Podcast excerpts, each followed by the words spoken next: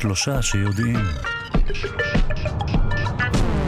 שלום לכם, טיפול בתא לחץ עשוי למנוע אלצהיימר ודמנציה. מיד, כל הפרטים. שוב שלום לכם, אנחנו שלושה שיודעים בכאן תרבות.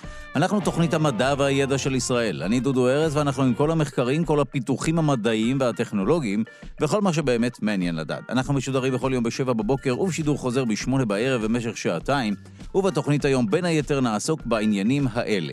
מה הסיכוי להידבק בקורונה במהלך טיסה? בשאלה הזו עוסק מחקר אמריקאי חדש, מיד דוקטור ערן שנקר עם תוצאות המחקר, וגם לנגיף קורונה השפעות ארוכות טווח גם על אוכלוסיית הילדים בישראל. אה, כך עולה מסקר שנערך על ידי משרד הבריאות, אה, אלפי מקרים מדווחים של ילדים שסובלים מלונג קוביד. וגם, פעם הם היו טפ... נלחמים בטפילים, חשבנו שהיום הם בעיקר מחוללי אלרגיות, מתברר שאותם תאי דם לבנים גם נלחמים בגידולים סרטניים. מאוד מעניין. וגם, טיפול בתא לחץ מסייע בשיקום פגיעה מוחית שעשויה להוביל לאלצהיימר ולדימנציה מיד בהרחבה, וגם מדוע תלמידים יצירתיים מקבלים דווקא ציונים נמוכים, גם בכך נעסוק, וגם באוסטרליה התגלו ברווזים שמקללים בשפת בני האדם. מיד נבין מדוע, וגם איך הם עושים את זה, ומי הזוכה בגמר הגדול של תחרות הביומיקס 2021 שנערכה אתמול. מיד, וגם נדבר איתה, כי זו זוכה. העורך שלנו הוא רז חסון, המפיקה אלכסנדר לוי, קרא לביצוע הטכני חן עוז, תודה רבה ליגאל שפירא שמלווה אותנו. אתם ואתן מוזמנים להצטרף לקהילה הרשמית של שלושה שיודעים בפייסבוק. כאן שלושה שיודעים. נזכיר שאפשר להאזין לשלושה שיודעים גם כהסכת בכל זמן ובכל מקום באמצעות היישומון של כאן, גם באמצעות ספוטיפיי, אפל וגוגל. בואו נתחיל.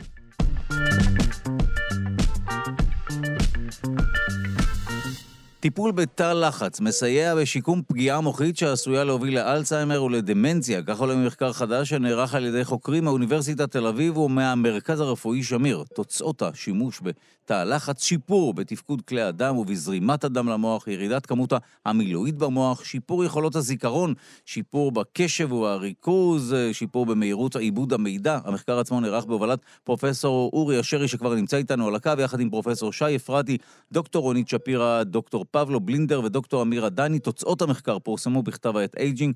אנחנו שמחים לומר שלום למי שהוביל את המחקר, פרופסור אורי אשרי מבית הספר למדעי המוח והפקולטה למדעי החיים באוניברסיטת תל אביב. שלום.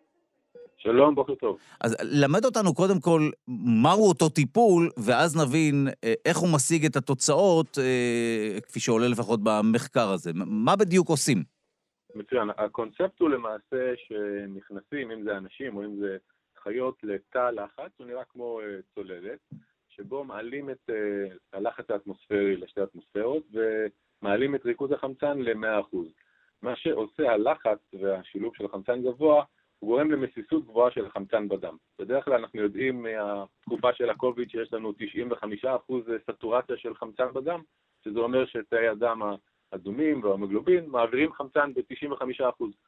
עכשיו אנחנו יכולים על ידי העלאת הלחץ החלקי של החמצן לגרום למסיסות של חמצן בפלזמה, בנוזל הדם, בצורה כזאת להביא פי חמש יותר חמצן למקומות שהגוף צריך, כמו המוח או מקומות שדורשים אה, החלמה. זה הקונספט. וזו הבעיה אה, שבשלה בסופו של דבר אה, נגרמות תופעות כמו אלצהיימר ודמנציה? זאת אומרת, מה מוביל לאלצהיימר ולדמנציה? זה לא, ב- תופעה, זה לא התופעה היחידה, אה, אנחנו עדיין לא יודעים מה גורם להתפתחות של אלצהיימר ודמנציה, אבל אחת הבעיות שיש במחלות האלה ובמחלות אחרות, שיש ירידה בהגעת חמצן לאזורים שונים במוח. עכשיו, זה בא בנוסף או בגלל תופעות נוספות, כמו הצטברות של אה, משקלים, שינויים בכלי הדם, אה, וביחד, עלייה בדלקתיות, וביחד עם חוסר חמצן זה גורם למוות של תאים ספציפית במחלת האלצהיימר. זאת אומרת שהטיפול עצמו אה, מצליח לבלום חלק מה, מהתופעות האלה, ובסופו של דבר כן בולם את, ה, את התופעות, את הדמנציה ואת האלצהיימר. אז אולי אני, אני אחלק את, ה, את המחקר לשניים, אנחנו למעשה עשינו טיפול בעכברים שהם עכברים מהונדסים גנטית, שיוחדרו להם גנים שידועים באדם שהם אה, קשורים למחלת האלצהיימר, והם מפתחים סימפטומים דומים למה שיש אצל אנשים. העכברים כאלה שאנחנו טיפלנו בתקופה, לתקופה של חודש, ראינו שיש שם שינויים מאוד משמעותיים לאחר חודש של טיפול יומי, יש להם ירידה בעומס של הפלקים, לא רק ירידה, אלא ממש עלייה בפינוי שלהם ועלייה בפירוק שלהם. כלי הדם בעכבר חולה וגם באנשים עוברים היצרות עם, עם הגיל, עם המחלה, והטיפול עצמו גרם ל, למנוע את ההיצרות של כלי הדם, ובצורה כזאת הוא גם שיפר את הזרימה של הדם לאזורים שונים של המוח, ללא קשר לטיפול עצמו, וזה נשמר לתקופה ארוכה. וזה הביא לשיפור התנהגותי מאוד משמעותי בעכברים. במקביל, כן, בבקשה. במקביל, לקחנו קבוצה של, אה, של אה, אנשים בהובלה של שי אפרתי, אנשים שיש להם ירידה ביכולת הקוגניטיבית. זה לא אנשים שמוגדרים עם אלצהיימר עדיין, אבל יש להם ירידה כלשהי. והאנשים האלה נחשפו בתא לחץ לתקופה של 90 יום, או 60 יום למעשה לשלושה חודשים, ולאחר הטיפול הזה, אז יש להם, היה להם שיפור מאוד משמעותי בזיכרון, שיפור בזיכרון לטווח קצר, קצב עיבוד המידע שלהם השתפר, תשומת הלב, ה-attention השתפרה. זה לא שינוי של אה, עשרות אחוזים, זה שינוי של עשרה אחוזים, אבל בתקופה כזאת זה יכול להיות מאוד משמעותי שאתה משפר, וזה התרחש גם בשילוב עם שיפור של זרימת הדם לחלק מהאזורים של המוח. זאת אומרת ששוב, שיפור אה, כמות החמצן שמגיעה למוח עשויה כן לשפר את המצב. עכשיו, כפי שאמרת, לא לפתור את, את כל הבעיה וכולי, אבל ודאי ל, באזור עשרה אחוזים כן ל, לשפר את המצב. אז אם נראה טיפה יותר לעומק, זה לא רק ההובלה של החמצן, אלא זה גם הפרוטוקול עצמו, שמה שקורה, שיש עלייה וירידה בתצרוכת חמצן, והגוף שלנו אה, חושב שאנחנו נכנסים מרגע שאנחנו מורידים את החמצן ומעלים אותו, הוא חושב שאנחנו נכנסים למצב של היפוקסיה, הוא חושב שאנחנו נכנסים למצב של חוסר חמצן, ומתחיל תהליכים של ריפוי, של רגנרציה, וזה חלק מהתהליך, זה לא רק החמצן. אה, רגע, רגע, אז בוא, בוא תפרט באמת על הנקודה האחרונה. אתה, אתה אומר שיש פה עוד משהו, הגוף שלנו כן. יודע להתנהג אחרת בעקבות המצב הזה. אנחנו מנסים, מה שחשוב לנו זה לנסות גם להבין את המנגנון, כדי אולי לשפר את היכולות שלנו, ואולי להשתמש גם בטיפול, בתא לחץ, בתנאים יותר מקלים, עם פחות חמצן. אחד מהפרוטוקולים שמשתמשים, כל פעם שבן אדם או חיה נחשפת לטיפול, רמת החמצן עולה ל-100%, ובסוף הטיפול יורד ל-20%. יום אחר, לאחר מכן זה עולה ל-100% ויורד ל-20%, שזה מה שאנחנו נושמים כל יום. שוב, 20% אחוזים של חמצן יש לנו באוויר, זאת אומרת, לא צריך... כן, זה הרגיל. זה הרגיל. עכשיו, הגוף שלנו אה, מסתכל על הירידה מ-100% ל-20% כתופעה של היפוקסיה, של ירידה ברמת החמצן, ומתחיל תהליכים של רגנרציה. זה חלק מהמנגנון שאנחנו חושבים שמתרחש בתהליך עצמו וגורם לשיפור עצמו. זה לא רק החמצן עצמו, אלא זה גם הפרוטוקול עצמו שמאפשר את זה, ובצורה כזאת הגוף, מה שאנחנו חושבים, אה, משפר את המדדים לאורך זמן.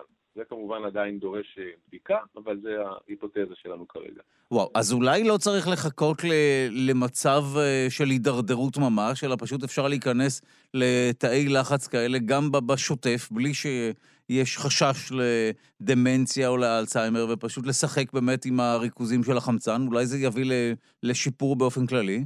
זה יכול להיות, אבל אני חושב שמה שדרוש לפני שיאשרו כזה דבר, וזה מה שכרגע נעשה אה, במעבדה שלנו, במחקר אה, בבית חולים שמיר, זה הרבה יותר, הרבה מחקר קליני ומחקר בסיסי כדי להבין ולראות האם באמת השינויים האלה יכולים אה, למנוע ולשפר גם במצבים שעוד לפני אפיון של אלצהיימר או מחלות אחרות.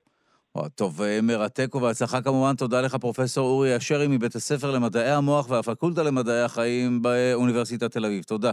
תודה ובוקר טוב.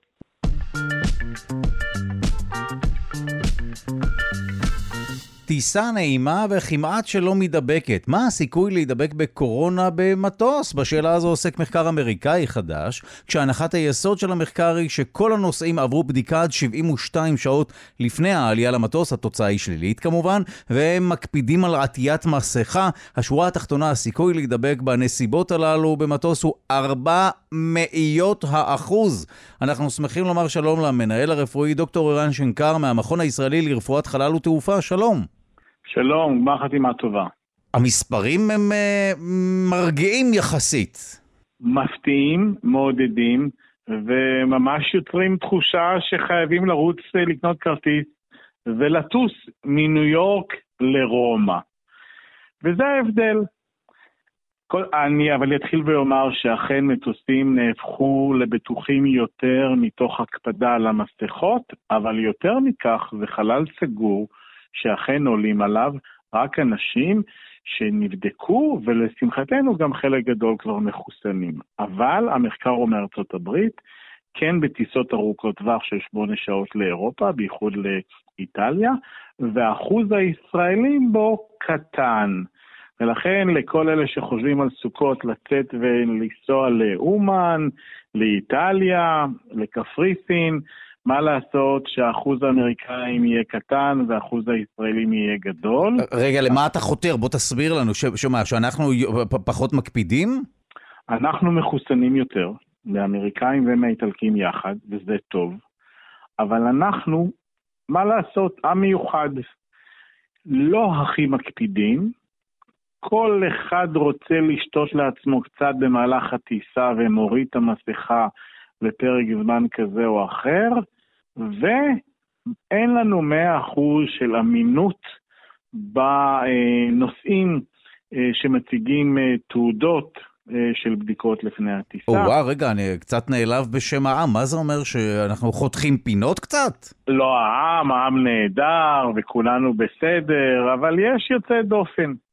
האחוז הוא נמוך, אבל פה הסכנה. מספיק שמישהו אחד מעלה לטיסה אה, נוסע שהוא יודע שהוא חיובי ורוצה לבוא לארץ מסיבות כאלה או אחרות. הסיכון אז הוא כבר לא 0.04, אלא אם אתה יושב בשלוש השורות מאחוריו, הסיכון גדול מאוד, וראינו כבר בטיסות בגל השני, שאנשים שחלו וחזרנו לנוסעים שהיו לידם, לצערנו הם היו חיוביים. אדם אבל היום שחוזר מחו"ל, והוא מחוסן, והוא נחשף אה, בכל זאת אה, גם לנוסע שמדביק אותו לכאורה, אה, הסיכוי שלו להישאר בחיים גדל.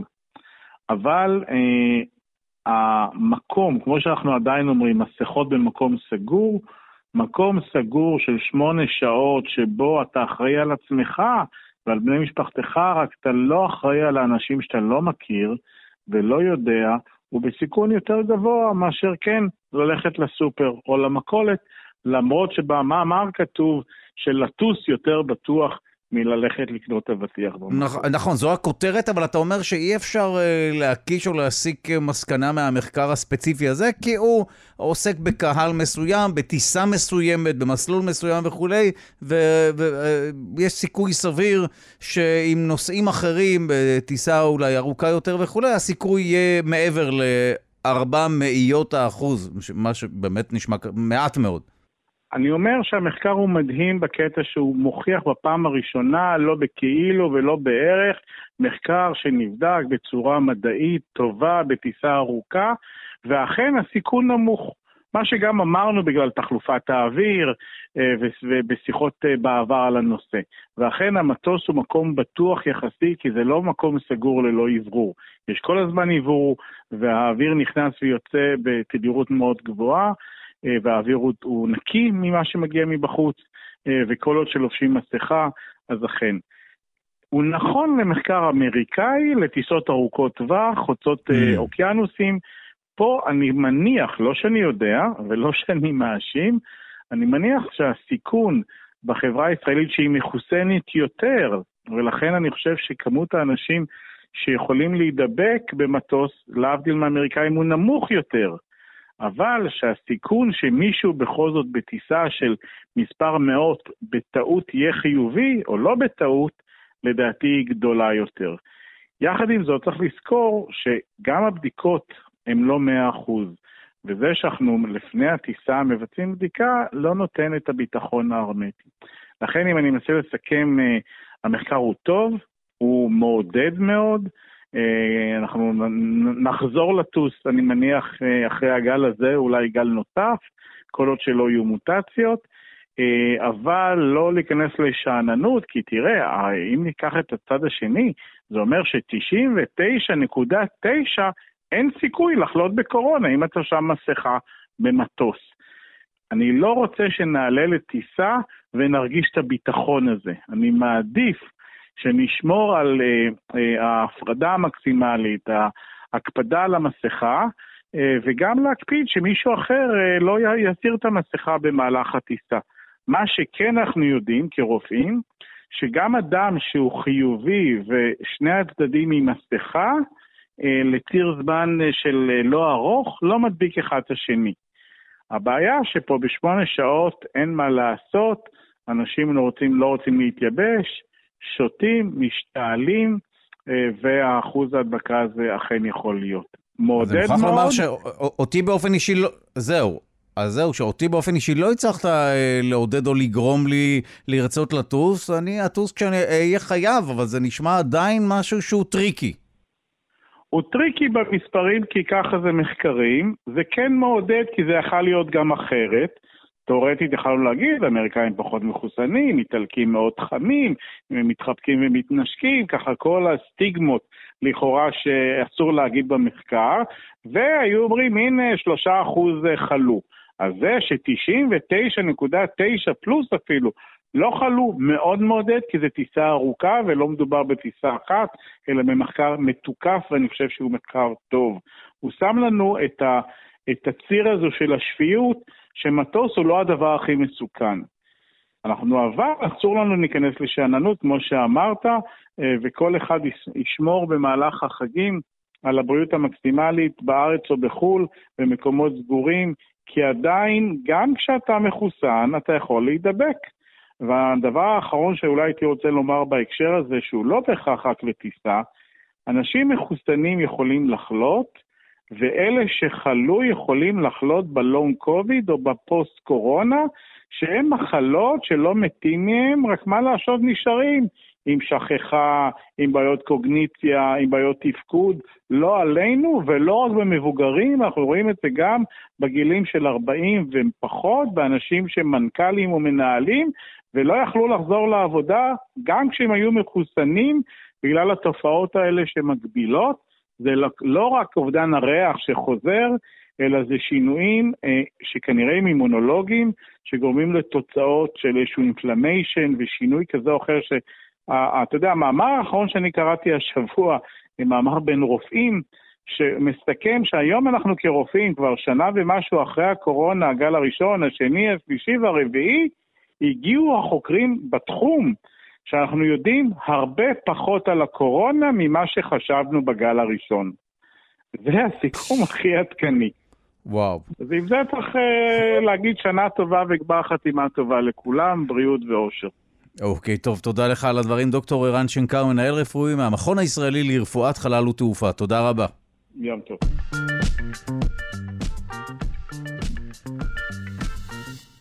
יצירתי, נכשלת.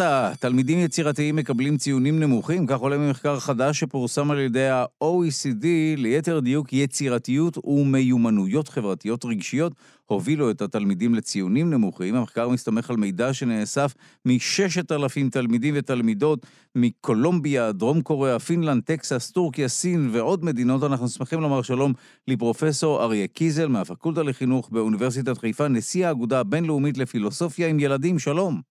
בוקר טוב, דודו. אה, מה מהות המחקר? למה היצירתיים ודווקא אלה שיש להם אה, מיומנויות חברתיות אה, רגשיות טובות יותר, הם דווקא מקבלים פחות אה, ציונים נמוכים?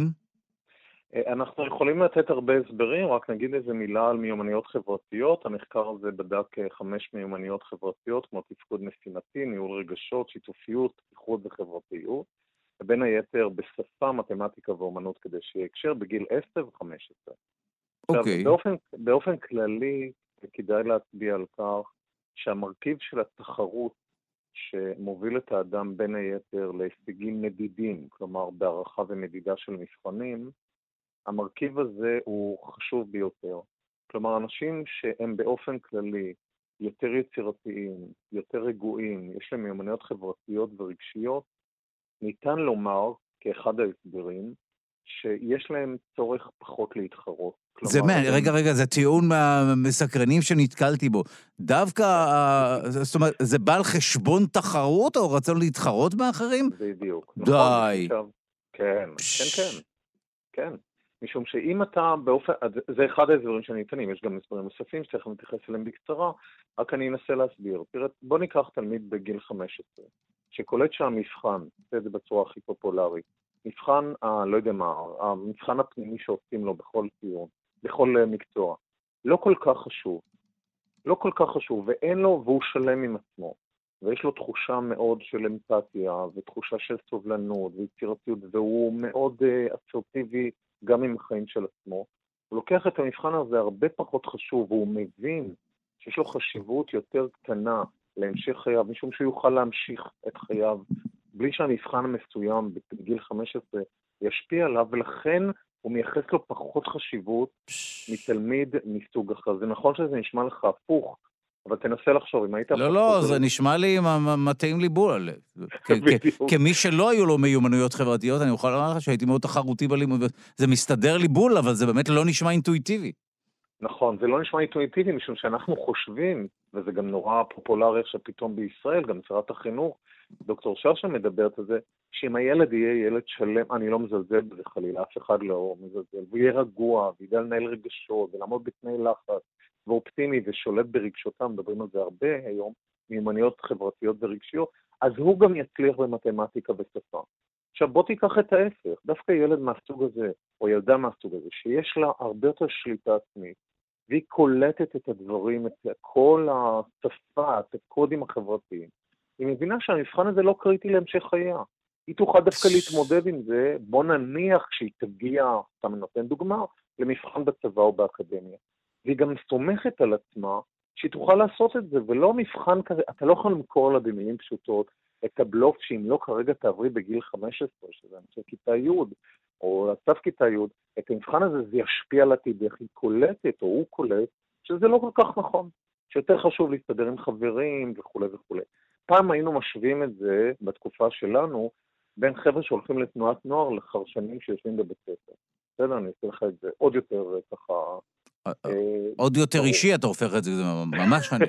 אוקיי, לא, אבל זה טיעון בעיניי מהמרתקים ששמעתי. לא בהכרח, אה, או הפוך אפילו, מיומנויות חברתיות ורגשיות והבנה של מורכבות, זה משהו שדווקא לא מוביל לתחרותיות, ובסופו של דבר לא מוביל לשיפור של הבנת החומר וניסיון לפצח את לא. המקצועות לא, הקשים יותר. לא, אז פה יש איזושהי טעות. המבחן אוקיי. הזה, האנשים האלה, by the way, אחד הדברים שנבחן שם זה שחברותיים ורגועים יותר מקבלים ציונים נמוכים יותר. עכשיו, מה שאמרת כרגע זה לא מה שנאמר. נאמר שם שנבחן, עמידה במבחן אחד, לא בעובדה שאנשים מבינים את החומר, זה לא נבדק שם. עכשיו, מבחן יכול להיות דבר שבודק אותך מנקודת זמן מסוימת על חומר מאוד מצומצם, זה אתה מבין שאחת התקלות של מבחנים, נכון? לעומת זאת האנשים האלה יכולים להיות בעלי ידע עולם מאוד רחב, ולכן הם גם יכולים מאוד להצליח, למשל באקדמיה. כאשר נדרש ידע יותר רחב לנתח, לכתוב, לקרוא, להתמודד עם כמויות חומר גדולות ולעשות אינטגרציה בין חומרים. עכשיו, למה חברתיים ורגועים יותר מקבלים ציונים יותר נמוכים? תחשוב, אנשים שהם יותר חברותיים ויותר רגועים, הם גם מבינים שמה שיותר חשוב להם וגם ההבנה הזאת שהם נמצאים בתוך חברה, נניח בגיל הנעורים זה פופולריות חברתית, כולם מבינים את זה גם אצל בנים וגם בנות, תנועת נוער, שנת שירות וכולי וכולי. העתיד עוד רחוק, או האפשרות למכור להם שהמבחן הזה ישפיע על עתידם הוא ההפך, והם גם רגועים יותר. זאת אומרת, יש להם, דווקא יש להם איזו עמידות פנימית, זה סוג של רזיליאנס, לדעת שאני אעשה את זה. אם אני לא אעשה את זה עכשיו, אני אעשה את זה אחר כך, ולכן הם גם לא כל כך מתרגשים מהמסר של מערכות חינוך כמו בישראל, שמדברות חזק את שפת הערכה והמדידה והמבחנים, תחרותיות העכשיו, העכשווית הזאת, כן? הם, הם יותר עמידים לזה, הם יותר בעלי כוח פנימי. אז כאילו שיש פה, אתה רואה התנגשות, אבל אם אתה בודק את זה לעומק, אתה קולט שזה דווקא לא התרגשות, זה לא, זה לא התנגשות, דווקא דבר שמובן, האנשים האלה בעלי כוחות להבין שיש להם את זה, והם אכן יוכלו להפעיל את המיומנות האקדמית מתי שהיא תידרש, ואם היא לא נדרשת, אם היא לא קריטית כרגע, אפשר להמתין איתה קצת. שמע, מרתק ומעורר מחשבה. שוב, אני. חושב שכן נכון להתייחס לכל מבחן, שוב, גם בגיל צעיר, ככזה שהוא uh, קריטי, אחרת באמת אין לך מוטיבציה, אתה חייב משהו שיתמרץ אותך ללמוד, להיות מדויק. כן, אבל פה, דודו, ודיברנו על זה גם בשיחות קודמות, השאלה הגדולה, אתה מקשר נכון בין מוטיבציה לבין העתיד של הילד. מוטיבציה אצל נער, אצל ילדים בגיל 10 ונערים ונערות בגיל 15, אינה תמיד העתיד של, שלהם, העתיד במובן האקדמי, שלפעמים הוא יהיה, נניח, אם אתה הולך לצבא, גיל 22 ו-3, הלכת לקצונה, שירתת אולי שנת שירות, הלכת לטיול אחרי הצבא, זה קצת רחוק להם.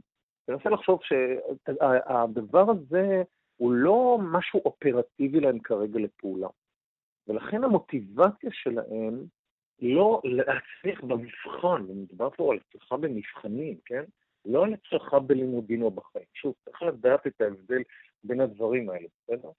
אז זה חלק מהעניין. ולכן אנחנו, לכן זה תומכים בחיזוק המיומנויות הרגשיות. אומרים, חברים, תעזבו כרגע את המבחנים, בואו נחזק את הילדים, את האסרטיביות שלהם, את הסקרנות, את היצירתיות, את האמפתיה וכולי. ומולם עומדים אנשי המדידה והערכה שאומרים, מה אתם מדברים? הם צריכים להצליח בחיים וכולי. וזה קרב שכל הזמן נמצא. מה שמפתיע במחקר הגדול הזה, מה שמפתיע זה שתמיד אמרנו שהילדים האלה מיומנויות חברתיות ורגשיות גם יהיו בטוח מצליחים במבחנים. והמחקר הזה דווקא אומר לנו, רגע, רגע, רגע, לא בטוח שיש קשר ישיר בין וואו. ובגיל עשר אפילו נמצא קשר חלש בין רוב המיומנויות החברתיות לציונים בלימודים, חוץ מסקרנות והתמדה. שמע, מרתק, ואני עומד להעביר את המחקר הזה אישית לכמה אנשים שאני מכיר. תודה רבה לך, פרופסור אריה קיזל מהפקולטה לחינוך באוניברסיטת חיפה, נשיא האגודה הבינלאומית לפילוסופיה עם ילדים. תודה. תודה, יום טוב.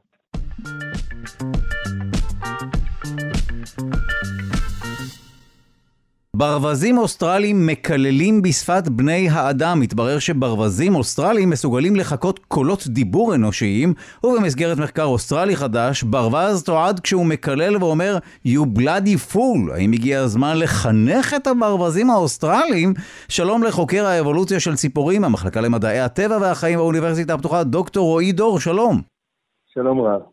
ראשית, למד אותנו על ברווזים שבכלל מסוגלים לחקות בני אדם, רגע לפני שנגיע לקללות. אה, אה, אה, מאיפה זה הגיע?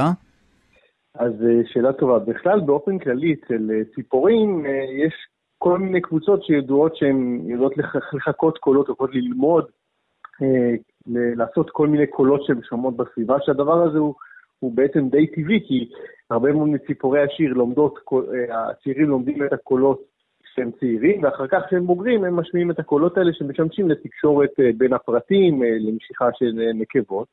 אצל ברווזים זה לא כל כך היה ידוע, אבל מסתבר שגם, לפחות בעדות, לפי העדות הזאת, יש ברווזים שמסוגלים לשמוע קולות מהסביבה, ואחר כך כשהם בוגרים, להשמיע את אותם קולות שהם שמעו בסביבה הזאת בצורה מסוימת. עכשיו, איך זה בדיוק מתרחש? זאת אומרת, איך הם מפיקים את הצלילים?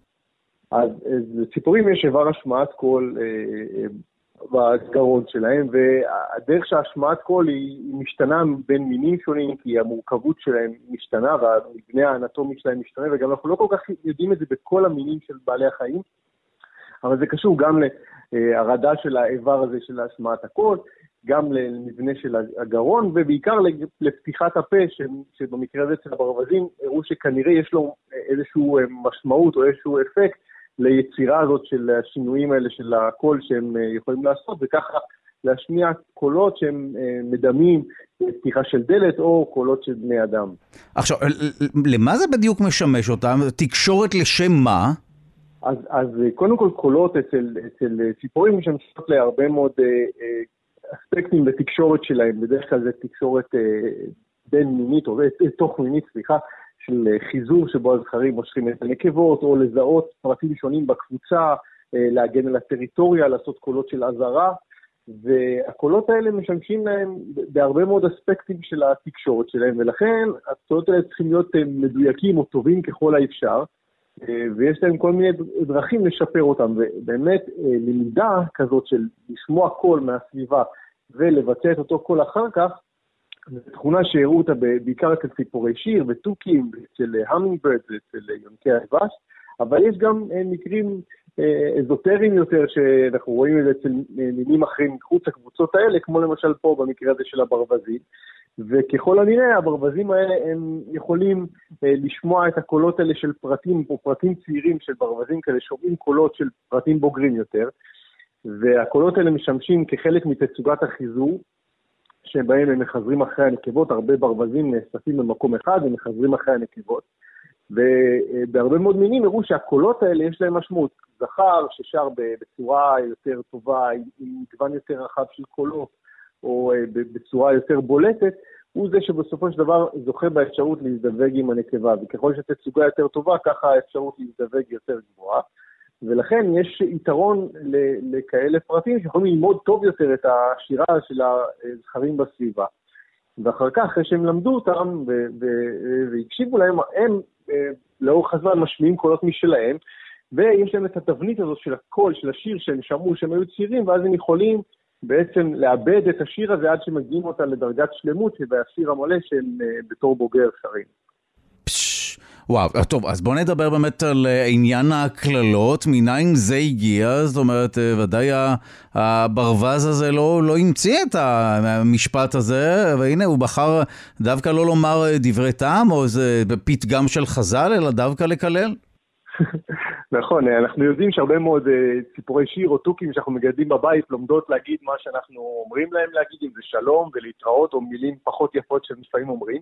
במקרה הזה, ככל הנראה, הברווז הזה גודל באיזושהי שמורה, ויכול להיות שהמטפל שלו אמר, כשהגיש לו את המזון, אמר לו your bloody food או, או משהו כזה, והוא חזר על ה... על ה אה, מה שהוא אמר, ויכול להיות שזה food, ויכול להיות fool, גם, גם האנשים במאמר לא היו בטוחים באמת מה הוא אמר שם, זה קשה, גם אני הקשבתי לכל הזה ולא היה ברור בדיוק מה הוא אומר שם, אבל אה, בכל מקרה, מה שהם שומעים, מה שהם חוזרים זה מה ששומעים בסביבה, ולכן אפשר ללמד אותם להגיד גם דברים יותר טובים וגם דברים פחות טובים. אה, ובמקרים מסוימים יש ציפורים שאפילו לומדות אה, גם את הקונטקסט. אה, תוכים אפשר לראות את זה, או ציפורי שיר מסוימות, שהן לומדות להגיד את המילה הנכונה או את המילה המתאימה בקונטקסט המתאים, וזה תוצאה של uh, למידה והתגובה של uh, כנראה הבעלים שלהם, שהגיב בצורה הרבה יותר מתאימה לקול הזה שהם השמיעו.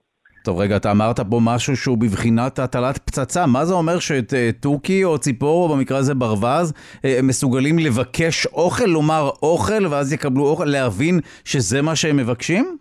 אז בהרבה מאוד מקרים, התוכי הזה יכול לשמוע הרבה מאוד קולות שהוא היה צעיר, ואז כשהוא בעצם אה, אה, אה, מוציא את הכל, אז אם למשל אומר שהוא רוצה אוכל והוא מקבל אוכל מהבעלים שלו, הוא לומד לקשר אה, בלמידה את המילה שהוא אמר עם התגובה של הבעלים, ולכן ה- ה- ה- יש יותר הסתברות שהוא ישתמש במילה הזאת כדי שהוא לבקש אוכל בפעם הבאה. Okay? טוב, אה, כמובן אה, מרשים מאוד. אה, זה סוג מאוד ספציפי של ברווזים? זאת אומרת, כאן בישראל אין ברווזים שיודעים לדבר. אז הדבר הזה, התופעה הזאת נמצאה ממש בברווז, ברווז המוסקה האוסטרלי הזה, זה ברווז מין מאוד מאוד ספציפי, אל פרטים מאוד מאוד ספציפיים שגדלו בצורה בשבי, בנוכחות של בני אדם, כי בעצם מאוד מאוד קשה לדעת אם בעל חיים יכול ללמוד. אה, אה, שיר חדש או, או קול חדש, וזה אפשר לעשות כאשר בעל החיים נמצא למשל בבידוד מאשר מפרטים אחרים, ואז רואים שהוא שר או עושה קולות אחרים, או שממש רואים שבעל החיים מעתיק קולות מהסביבה. יש במקרה הזה, הברווז עשה קולות של הדלת כנראה, דלת הכניסה והיציאה של, ה, של הכלוב שבו הוא היה, שהוא שמע, והרבה מאוד uh, פרטים אחרים uh, יכולים לשמוע uh, קולות מהסביבה ולהשתמש בהם אם זה קול של בעלי חיים אחרים, ציפורים אחרות, או אפילו קולות של בני אדם במקרה שאנחנו מדברים עליו. טוב, ובשורה התחתונה, כולנו אה, למדנו לא לקלל ליד ברווזים כמובן, אם אתה באוסטרליה. נכון, ברווזים האלה באופן ספציפי. כן. יכול להתגלה בעוד מינים, אבל אנחנו לא יודעים. טוב, אנחנו נסתפק בדברים האלה. תודה רבה לך, דוקטור רועי דור, חוקר אבולוציה של ציפורים מהמחלקה למדעי הטבע והחיים באוניברסיטה הפתוחה. תודה. תודה רבה. ובמסגרת פינת האבולוציה נעסוק בשאלה איך אפשר לשחזר חיה שלמה מעצם אחת. שלום לפרופסור אריאל צ'יפמן, חבר המחלקה לאקולוגיה, אבולוציה והתנהגות, האוניברסיטה העברית, שלום. בוקר טוב. שאלה שתצטרך לתת עליה את הדין. נכון, זו שאלה שהרבה אנשים שואלים את עצמם כשרואים אפשר? כתבה בעיתון, כשרואים כתבה בעיתון למשל, די נפוץ אה, לראות איזושהי כתבה על נמצא מאובן חדש, דינוזאור חדש, ויש ציור מאוד יפה ומפורט של החיה השלמה, ואז בצד אתה רואה תמונה של המאובן עצמו ומסתבר שמדובר בשלוש עצמות וחצי. והקורא הסביר שואל את עצמו איך, ה, איך המשחזר, איך הצייר הגיע לציור היפה הזה על סמך באמת מעט מאוד פרטים. זאת אומרת, מדובר בפייק ניוז, עובדים עלינו בעיניים, מוצאים עצם קטנה של לסת ומציירים איזה סטגוזרוס ענק עם כל מיני נוצות ו- ולוחיות כך נראה, וכולי. אבל התשובה היא לא, זה לא. לא פייק ניוז בכלל. אוקיי. אה, יש כאן, יש כאן מדע אמיתי אה, שמבוסס על הרבה ידע. אה, המצב הוא שאנחנו יודעים כל כך הרבה על מבנה שלד של כל כך הרבה בעלי חיים שונים, שבעצם מספיק לנו למצוא חתיכות די קטנות של שלד כדי לדעת לאיזה אורגניזם זה שייך ולשחזר די הרבה. כבר במאה ה-19, ז'ורז' קובייה, שהיה מ- מראשוני מדע האנטומיה, טען שהוא יכול על סמך שן אחת לשחזר חיה שלמה. אז יכול להיות שהוא קצת הגזים, אבל העיקרון פה נכון. אה, אז בואו בוא נסביר איך זה קורה, ואני אתחיל באיזושהי דוגמה יחסית קלה, ומשם נרחיב לדוגמאות המסובכות יותר. כן. נניח שאתה מכיר חתולים. ואתה יודע מה זה חתול, ראית חתולים, ראית עצמות של חתולים, ואתה מוצא בפעם הראשונה גולגולת של טיגריס. עכשיו, ברור, גם אם לא ראית אף פעם טיגריס, ברגע שאתה רואה את הגולגולת של הטיגריס ומשווה אותה לגולגולת של החתול, שבעצם מדובר בחיה מאוד דומה.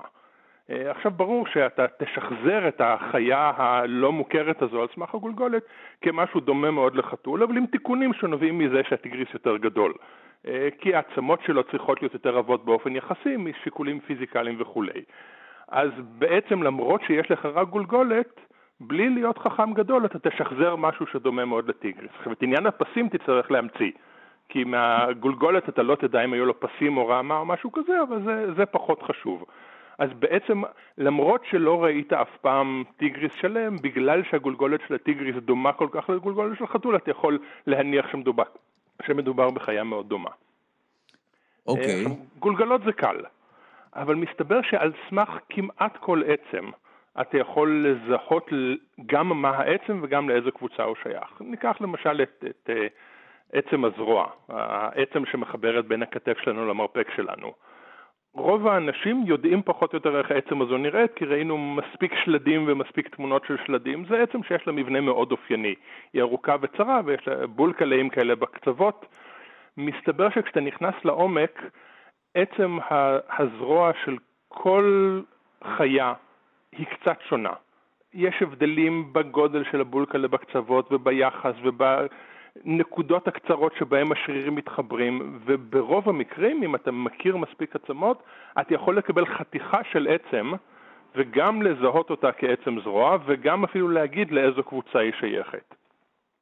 אז על סמך חתיכה קטנה של עצם, מומחה ש, שיודע לעבוד עם עצמות ומכיר עצמות, יכול לומר לאיזו חיה העצם הזו שייכת.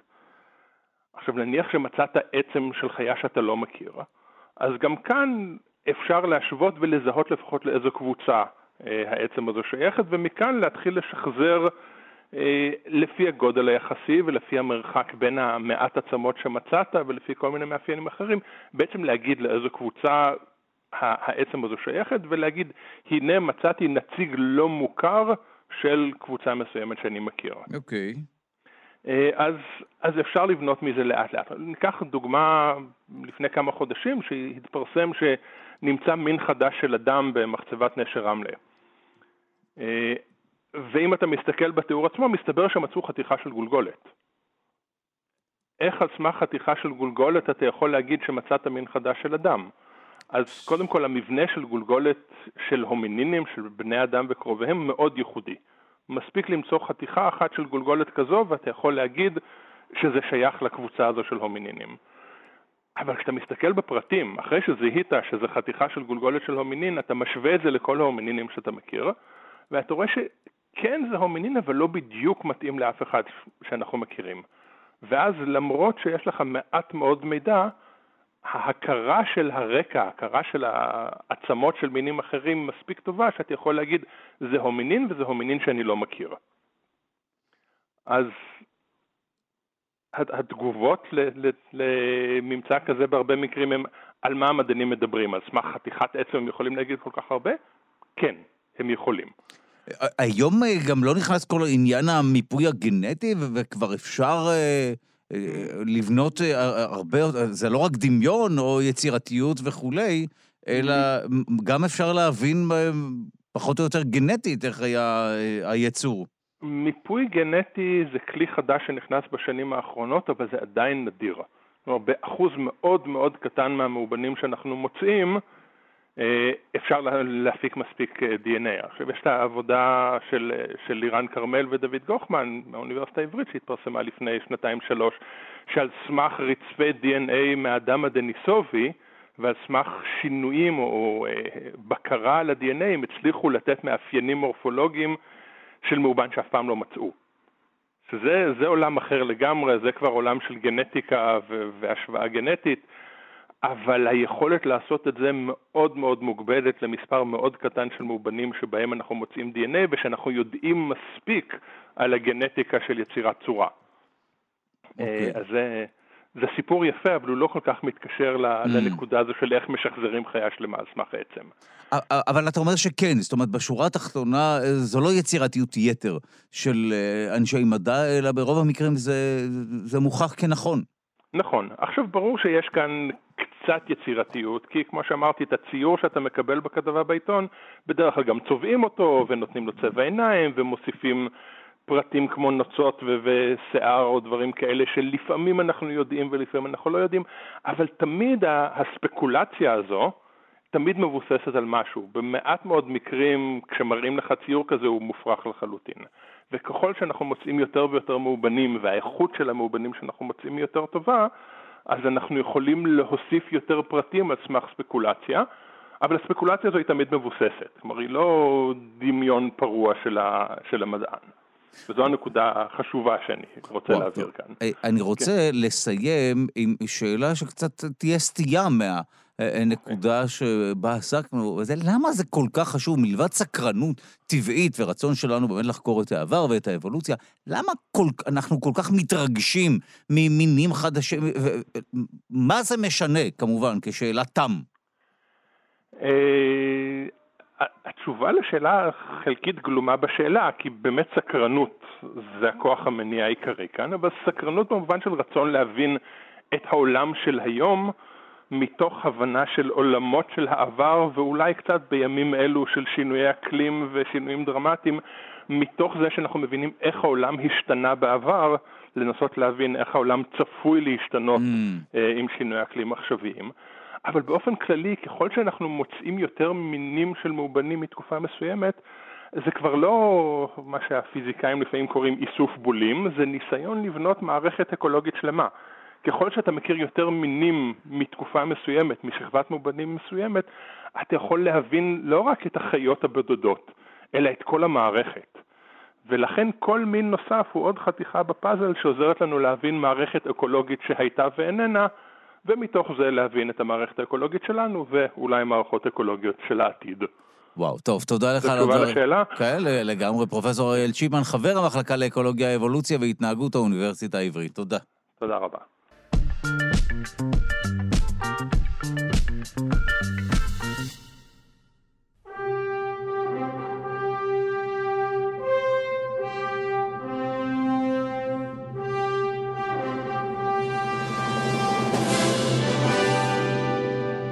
ובמסגרת הפינה על גיבורי על ועל קומיקס בכלל, נעסוק בסליחות. שלום לאורי פינק, איש הקומיק של ישראל, ומעתה יושב ראש איגוד הקריקטוריסטים, שלום.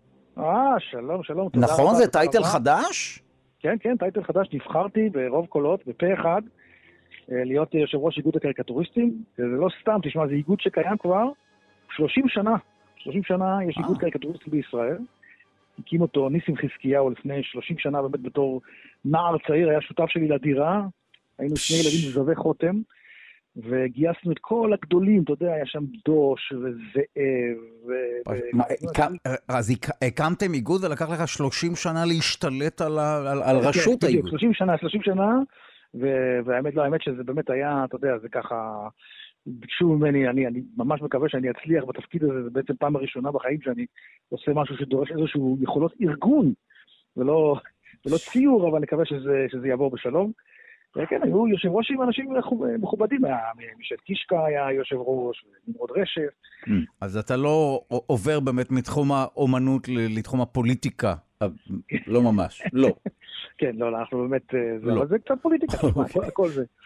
אבל בסדר, אני מקווה שאני אצליח, אני, אני בטוח ש... אנחנו, זהו, אנחנו בטוחים שתצליח. כן. בוא נעסוק בסליחות, אבל לעיתים הסליחות האלה, יש אינטרס בבסיסן. כן, זהו, אז בוא אני אספר לך על הסליחה הכי מדוברת עכשיו בעולם הקומיקס, עולם ה... כן? כל הדברים האלה, עולם סרטי הקומיקס במיוחד. יש בחור בשם ג'ון סינה, אתה מכיר אותו? הוא מתאבק במקור, כמו, כמו דוויין ג'ונסון, כמו דה רוק. עשה כן. את המעבר הזה מלהיות מתאבק להיות כוכב קולנוע. בחור מאוד משעשע האמת דווקא, אני מאוד נהנה לראות אותו על המסך, לא, לא הכרתי אותו לפני זה. ועכשיו מה שהוא עשה הוא במסגרת קידום המכירות, אה, קידום, ה, קידום ה, אתה יודע, הסרט, נדמה לי זה או מהיר ועצבני אה, תשע, או אה, יחידת המתאבדים, שדרך אגב גם מבוסס על קומיקס. סרט מצוין דרך אגב, אתה אוהב, סרט הקומיקס הכי טוב של השנה זה יחידת המתאבדים, זה וואו, בענק, אוקיי. כן? זה חשוב לדעת. עכשיו הוא במסגרת הרעיון הזה, איכשהו השיחה התגלגלה לטיוואן. והוא ברוב טיפשותו אמר שטיוואן היא מדינה, כן? עכשיו, שמעו זאת uh, הסינים. עכשיו, אתה צריך להבין שהוליווד היום בונה על סין. כאילו, סין זה השוק הכי גדול לסרטים. כן? וברגע שהסינים שמעו שג'ון סינה אמר שאוי ואבוי, טיוואן היא מדינה, היא ישר, כולם נלחצו מזה שלא יכניסו את הסרט, אה, את הסרט לסין. זאת אומרת, שום ביקורת לא תוכל להיאמר בסרטים כאלה על סין, כי אחרת הם מאבדים קהל מטורף. הוא לא, הוא לא אמר את זה בסרט, הוא אמר את זה... כן, כן, כן, במסגרת קידום מכירה, אבל ודאי שהסרטים לא יכולים להגיד שום דבר, או אפילו לומר משהו בהקבלה, ודאי שלא. אבל אתה אומר שגם איזה מין פליטת פה כזו שהייתה במהלך קידום, אה, או עם מסע יחסי הציבור של הסרט, היא הסתבכות, הסינים פשוט, מה, הם לא רצו להקרין את הסרט? כן, כן, לא, לא, אמרו, אנחנו לא נקריא את הסרט. עכשיו, אז ג'ון סינה, לא יודע, אפילו, האמת שאני לא יודע אפילו אם זה הגיע למצב הזה, אבל ג'ון סינה בעצמו, פרסם סרטון יוטיוב, שבו אתה רואה, זאת אומרת, אני ממליץ לכולם לחפש את הסרט הזה ביוטיוב, ג'ון סינה אפולוגי, כן? ג'ון סינה התנצלות. שם תראו את אדון ג'ון סינה מתאבק עם הצוואר בעובי של אה, פיל, כן? כזה משהו עבה כזה, שובר את השיניים שלו בסינית. די. אני מנסה להגיד בסינית, כמה הוא מעריך את אני יודע מה אני אעשה בתום השיחה הזו, אוקיי, וואו.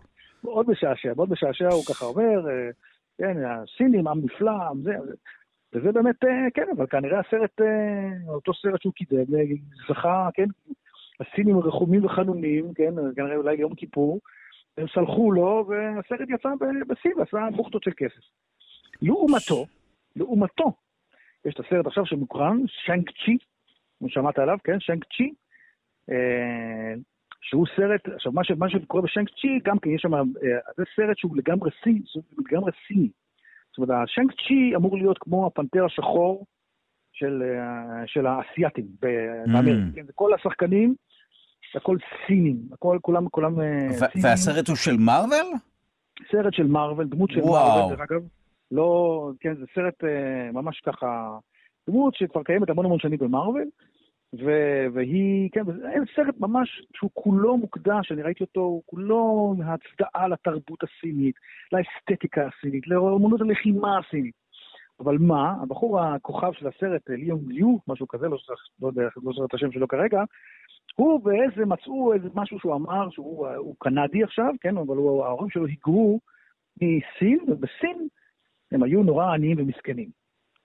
ו... לא בסדר. אסור להגיד דבר כזה. וואו. כן, בסין אף אחד לא עדיף ומסכן. ולכן הסרט הזה, שכולו, מרוויל, כל מה שהם עשו שם, זה ממש שיר הלל לתרבות הסינית. שם על יצורים סינים ואסתטיקה סינית והכל עשוי ומושקע, זה, לא יראו את זה בסין. נראה את זה רק פה במערב. למרות שהסרט דווקא הולך לא לא רע בינתיים. אבל זה באמת אחד ה... הנה, אני רואה שהוא אה, אה, כיסה מזמן כבר את אה, ההוצאה הראשונית של 150 מיליון דולר, וכבר עקף את ה-250 מיליון דולר של הכנסות, ובכל זאת אתה אומר שהם הפסידו קהל עצום בסין, אם זה המצב. כן, קהל עצום בסין שכנראה היה, זאת אומרת, רוב הסיכויים שזה מה שמרוויל בנו עליהם, שזה הקהל לראות את זה בכמויות. אבל אה, כן, סרט, אה, אני, אני באופן אישי לא, לא כזה נפלתי מהסרט הזה, כי הוא לא כל כך נאמן, אתה יודע, כשאני הולך לסרטים של מרוויל, אני רוצה לראות את הקומיק שאני קראתי בגיל 17, אני רוצה לראות אותם על המסך. ושם הם לא עשו את זה, אז אה, קצת התאכזבתי. אבל הסתכסכו גם איתך. בדיוק, בדיוק. לא רק עם הסינים. נכון. לא, אבל אני לא מחרים אותם, אני הלכתי לראות את זה בכל זאת. אז אה, זהו. שמע, אז אה, אה, זה, זה, זה, זה אולי כבר אפשר בין הנקודות האלה לשרטט קו, אולי מדובר בתופעה, צריך כנראה לנהוג במשנה זהירות. אם עוסקים במוצרים שעשויים למצוא את עצמם בשוק הסיני, ככל הנראה יש שם רגישות גדולה מאוד. זה קצת מפחיד, זה קצת מפחיד, זה קצת מגעיל, כאילו, אתה, לא יוכלו לעשות שום סרטים עם איזושהי ביקורת על המשטר שם וזה, ותמיד היא... לא יודע, זה קצת, קצת לא מוצא חן בעיניי, לא חייב להגיד, חייב להגיד שזה לא בדיוק אה, נראה לי, אבל אה, אתה יודע, זה כסף מדבר. והנה בזה אה, הרגע גם אתה הסתכסכת עם הסינים. זהו. נכון, זהו, אז, אז אתה אומר ש... טוב, אז ראש איגוד הקרקטוריסטים הישראלי הורס את היחסים עם סין. וואו, בכלל, תחת הטייטל הזה, תשמע, זה תקרית דיפלומטית, מה שהיה פה. אבל אתה... הקריקטוריסט הפוליטי הסיני, אני חושב שהוא... אני חושב שאתה יודע, זה... אני לא יודע איפה הוא כרגע, כן? יושב ראש הקריקטוריסטים הסיני, כן? אני לא יודע איפה הוא... אה, כן, נראה לי שיש לו טעם מיוחד אולי במח... במחנה לחינוך מחדש או משהו, אבל לא נראה לי שקריקטורות פוליטיות. אוקיי, טוב, אוקיי. לפחות אצלנו עוד אפשר להתבדח על זה. כן, האמת שקמה איגוד, אני חייב לספר שקמה איגוד, אז אה, קראנו לו בהתחלה תא הקריקטוריסטים הישראלי. אבל החלטנו שזה לא, לא טוב לתת רעיונות, אתה יודע, לקרוא לזה תא קריקטוריסטי, זה יכול לתת למישהו רעיון, איפה, איפה לשים אותנו בדיוק. אז אה, שינינו את זה לאיגוד הקריקטוריסטי. איגוד נשמע, כן, נכון, יותר, יותר טוב. נכון, לגמרי. טוב, אז שוב בהצלחה כמובן בתפקיד החדש, ותודה על סיפורי הסליחות או הלא סליחות. השני היה סיפור אה, התעקשות לא להתנצל. תודה רבה לך, אורי פינק, איש הקומק של ישראל, יושב ראש איגוד הקריקטוריסטים. תודה רבה. יאללה, ביי.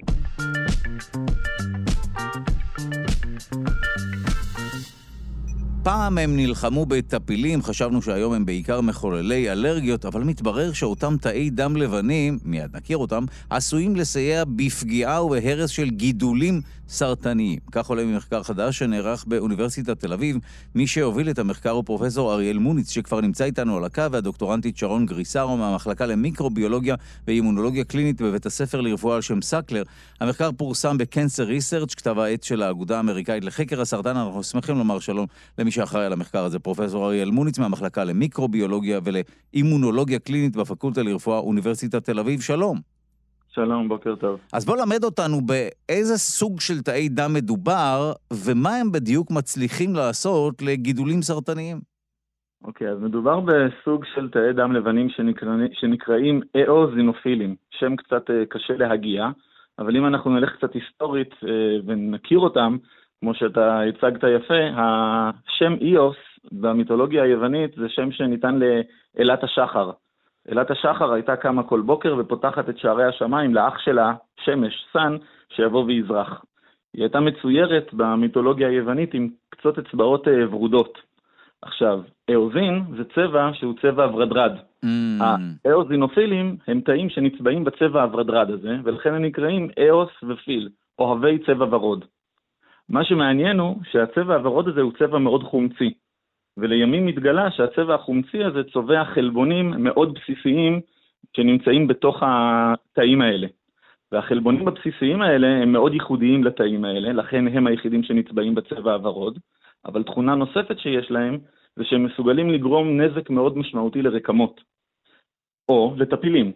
ולכן ושוב, בעבר... אנחנו עדיין, למרות הוורוד, אנחנו מדברים על תאי דם לבנים, נכון? זה סוג של תאי כן, דם כן, לבנים? כן, כן, הם תאי דם לבנים, אוקיי. פשוט כשאנחנו מסתכלים עליהם בצביעה פתולוגית, 아, אה, אוקיי. צביעה שנקראת המטוקסילין ואוזין, אנחנו רואים אותם בצבע ורדרד. אוקיי. אבל הם בפירוש תאי דם לבנים. והייתה להם יכולת, זאת אומרת, אה, אולי הסיבה האבולוציונית ש... ש... שלהם לעצם קיומם היא בין היתר תקיפת טפילים, כן? כך זה היה בעבר? כן, אז אותם חומרים שנצבעים בצבע הוורוד הם, הם חומרים שהם מאוד בסיסיים ומסוגלים להיכנס לתוך הטפיל ולהרוס ממש את המבנה שלו ולפרק אותו ולהרוג אותו. עכשיו היום עם כל ההתפתחות של ההיגיינה והעולם המתועש, אנחנו פה לא סובלים כל כך מטפילים, אז אותה זרוע חיסונית שבעבר נלחמה בטפילים, היום היא זרוע חיסונית שמתווכת לנו את מחלות האלרגיה. לדוגמה, מחלת האסתמה. עכשיו, התאים האלה כל כך uh, משמעותיים במחלת האסתמה, שיש שלוש תרופות שהמטרה שלהם היא, היא לנטרל את הפעילות של התאים האלה, והתרופות האלה בשימוש. מה שאנחנו חשבנו זה שאם באמת התאים האלה כל כך משמעותיים ויכולים לגרום לנזק uh, במצבים מסוימים, האם אנחנו נוכל לנצל אותם, או האם יש מצבים שבהם הנזק שהם גורמים יכול להיות חיובי לבן אדם, או לתגובה החיסונית. ולכן התחלנו לחקור אותם אה, בתהליכים סרטניים. ובאמת גילינו שיש אה, מספר לא מבוטל של גידולים, בעיקר גידולים ברקמות ריריות, כמו המעיים ומערכת העיכול בכלל, או הריאות, שהתאים האלה מגויסים לגידול הסרטני. וכשהם מגיעים לגידול הסרטני, מסוגלים לעשות אחד משני דברים.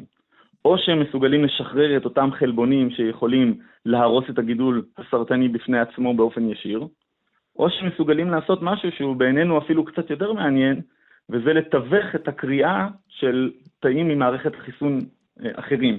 זאת אומרת, התאים האלה מגיעים, מצד אחד הם יכולים להרוס את הגידול הסרטני, ומצד שני הם יכולים לשחרר חומרים אחרים שעכשיו קוראים לתאים אחרים ממערכת החיסון שיבואו ויהרסו את התאים הסרטניים. עכשיו, התאים שהאוזינופילים מסוגלים לקרוא להם הם תאי T. למה זה מעניין? מה כל כך מיוחד בתאי T? תאי T הם תאים שידועים בתור תאים שמסוגלים להילחם בגידולים סרטניים, והם אחת המטרות המשמעותיות ביותר לטיפול שיש היום באימונותרפיה. זאת אומרת, זאת אומרת שאיכשהו גורמים לתאים האלה להבין איך להרוג את התאים הסרטניים, אם הם לא עושים את זה בשוטף. הם לא בדיוק גורמים להם להבין איך להרוג את התאים הסרטניים, אלא, אלא? הם, הם קוראים להם. זאת אומרת, כשהאוזינופילים מגיעים לגידול, מה שהם מסוגלים לעשות, הם מקבלים כל מיני סיגנלים מהסביבה הסרטנית. כן. והסיגנלים האלה, האותות האלה שהם מקבלים מהסביבה הסרטנית, גורמים להם לשחרר חומרים שקוראים לתאים אחרים. אז הם, הם למעשה מתווכים את כל, ה, מתווכים את כל האירוע. רגע, אז אני מנסה. להבין איך אפשר להרוויח באמת ממחקר כזה, אה, כשאנחנו נלחמים בתאים סרטניים. אז מה, אפשר לעורר את אותם, אה, את, את תאי דם לבנים לפעולה, וכך אולי באמת אפשר להרוויח עוד גורם שיילחם בגידול? בדיוק, אז עכשיו, זו, זו, זו, בדיוק, זו בדיוק הנקודה. עכשיו אתה יכול לקחת מטרה תאית חדשה, או לעורר את הפעילות שלהם מצד אחד, ולגרום לכך, על ידי שעוררת את הפעילות שלהם, לעורר בכלל את מערכת החיסון, או לחילופין, אתה יכול לפתח אסטרטגיות שבהן אתה פשוט מכניס את התאים האלה פנימה, ועושה מעין טיפול תאי, ואתה מעביר את התאים האלה פנימה לתוך הגידול. על ידי זה שאתה מעביר את התאים האלה פנימה לתוך הגידול, ואתה לפני כן מטפל בהם באיזשהו טיפול שאתה יודע שיגרום להם לקרוא לתאים של מערכת החיסון האחרים, אתה יכול לגרום לזה שיגיעו יותר אה, תאים ויכולים עכשיו לתקוף את, ה, את הגידול.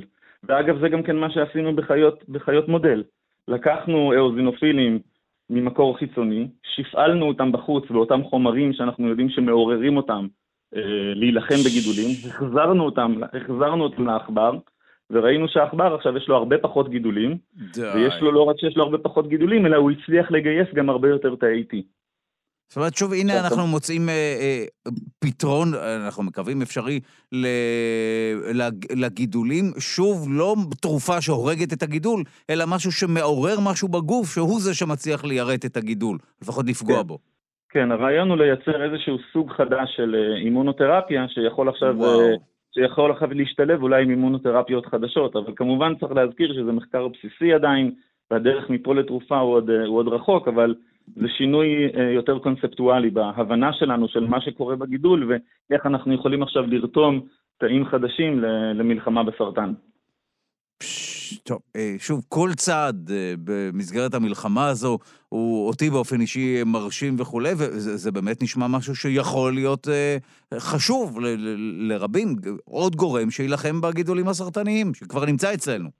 כן, אנחנו, אנחנו בהחלט אה, די נרגשים מכל, ה, מכל הכיוון הזה שהמחקר תפס. אנחנו מעבדה שלפני 7-8 שנים חקרנו את התאים האלה בהקשרים של אה, אלרגיה. אנחנו עדיין חוקרים אותם בהקשרים של אלרגיה, אבל מה שאנחנו עושים היום, ואני חושב שעושים את זה אה, לא רע, אנחנו מצליחים לה, להעביר אינפורמציה בין עולם האלרגיה לעולם הסרטן, ולהפך, דברים שאנחנו וואו. לומדים על התאים האלה בסרטן, מעבירים את זה חזרה לאלרגיה, וככה המחקר נהיה באמת עם כמה, עם כמה זרועות, אה, כמה זרועות מעניינות, ואנחנו לומדים לא מעט על התאים האלה. אז הנה תאים שחשבנו שהם אה, פועלים נגדנו וגורמים לאלרגיות וכולי, מתברר שאפשר לרתום אותם, אה, הם גם נרתמים אוטומטית, אבל אפשר לעורר אותם כמובן ליותר, ביתר להילחם בגידולים סרטניים. שוב, מחקר מרתק, ושוב, אנחנו מצפים להצלחתכם, או כמובן גם מאחלים, אבל... רוצים לראות את הדברים האלה קורים בסופו של דבר, כי באמת מדובר בחיים של הרבה מאוד אנשים שאפשר, לה... יהיה, אנחנו מקווים להציל בין היתר בזכות המחקר הזה או מחקרים דומים. תודה רבה לך, פרופ' אריאל מוניץ, מהמחלקה למיקרוביולוגיה, אימונולוגיה קלינית בפקולטה לרפואה באוניברסיטת תל אביב. תודה. תודה ושנה טובה וגמר חתימה טובה לכולם.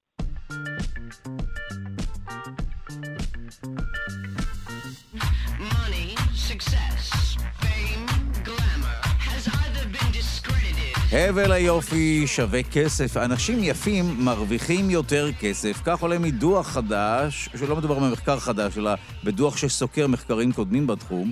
מדובר בתוספת של אה, בין 10 עד 15 אחוזים בממוצע בהשוואה לעובדים שנראים פחות טוב.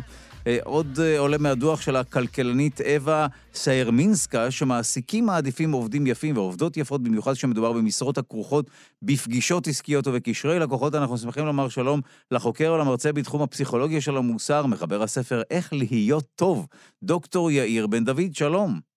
שלום, שלום, בוקר טוב. טוב, אה, אני מיד ניגש אה, למראה לתת לעצמי פידבקים ולתקן את מה שאפשר כדי להרוויח יותר. מה, מה משמעות הסקירה הזו? זאת אומרת, תן לנו את הפרטים היבשים ואז באמת נבין מה עומד בבסיס המחקרים הללו. מצוין. אז קודם כל, אה, בכלכלה ובפסיכולוגיה מדברים שנים על מונח שנקרא ביוטי פרימיום, כלומר, איזושהי, איזושהי תוספת או רווח כלכלי שאנשים מרוויחים מהיופי שלהם, וסדרת המחקרים הזו, שנערכת במשך שנים ובאמת אה, נסקרה לאחרונה, מראה שזה נכון, שאנשים יפים מרוויחים יותר כמעט בכל מדינה. אה, אם מסתכלים באמת לרוחב יותר, אה, אתה יודע, לאורך זמן יותר, אז מדובר בתוספת אולי טיפה יותר קטנה ממה שציינת, כלומר בין 5 ל-8 אחוזים, אבל עדיין זה תוספת יופי יפה. כלומר, אנחנו עדיין, כמו שאמרת, צריכים uh, להסתכל על עצמנו במראה ולראות uh, כמה תוספת מגיעה לנו בעצם. אה, למה? זאת אומרת, קודם כל, איך זה קורה ולמה? כי אני משער שהרבה מאוד משרות, אתה יודע, יש איזשהו תמחור עבור משרה מסוימת, אבל איך הם מצליחים לגרד עוד עשרה או חמישה עשר אחוזים? יפה. אז uh, יש לזה שתי סיבות, אחת אני חושב פחות מעניינת או יותר שטחית, ואחת יותר מעניינת פסיכולוגית. הסיבה הראשונה שגם הזכרת אותה, היא הסיבה שיש מקצועות, שהעובד הוא הפנים של החברה, כן? הוא זה שנמצא בקשר מול הלקוחות. ניקח לדוגמה מלצרות או, אה, אה, אתה יודע, להיות מארח במסעדה, להיות איש מכירות. ואלה עבודות שבאמת העובד בא במגע עם הלקוח והלקוחות מעדיפים להיות במגע עם אנשים יפים. אבל הסיפור הפסיכולוגי היותר מעניין הוא אה, אה, סיבה אחרת, שבעצם אנחנו נוטים להניח שמה שיפה הוא גם טוב. כלומר, mm. הרבה פעמים אנחנו מניחים באופן לא מודע. כן, יפה כן, הוא גם ש... חכם, הוא גם טוב יותר וכולי. הוא אפילו יותר. מוסרי יותר לעיתים.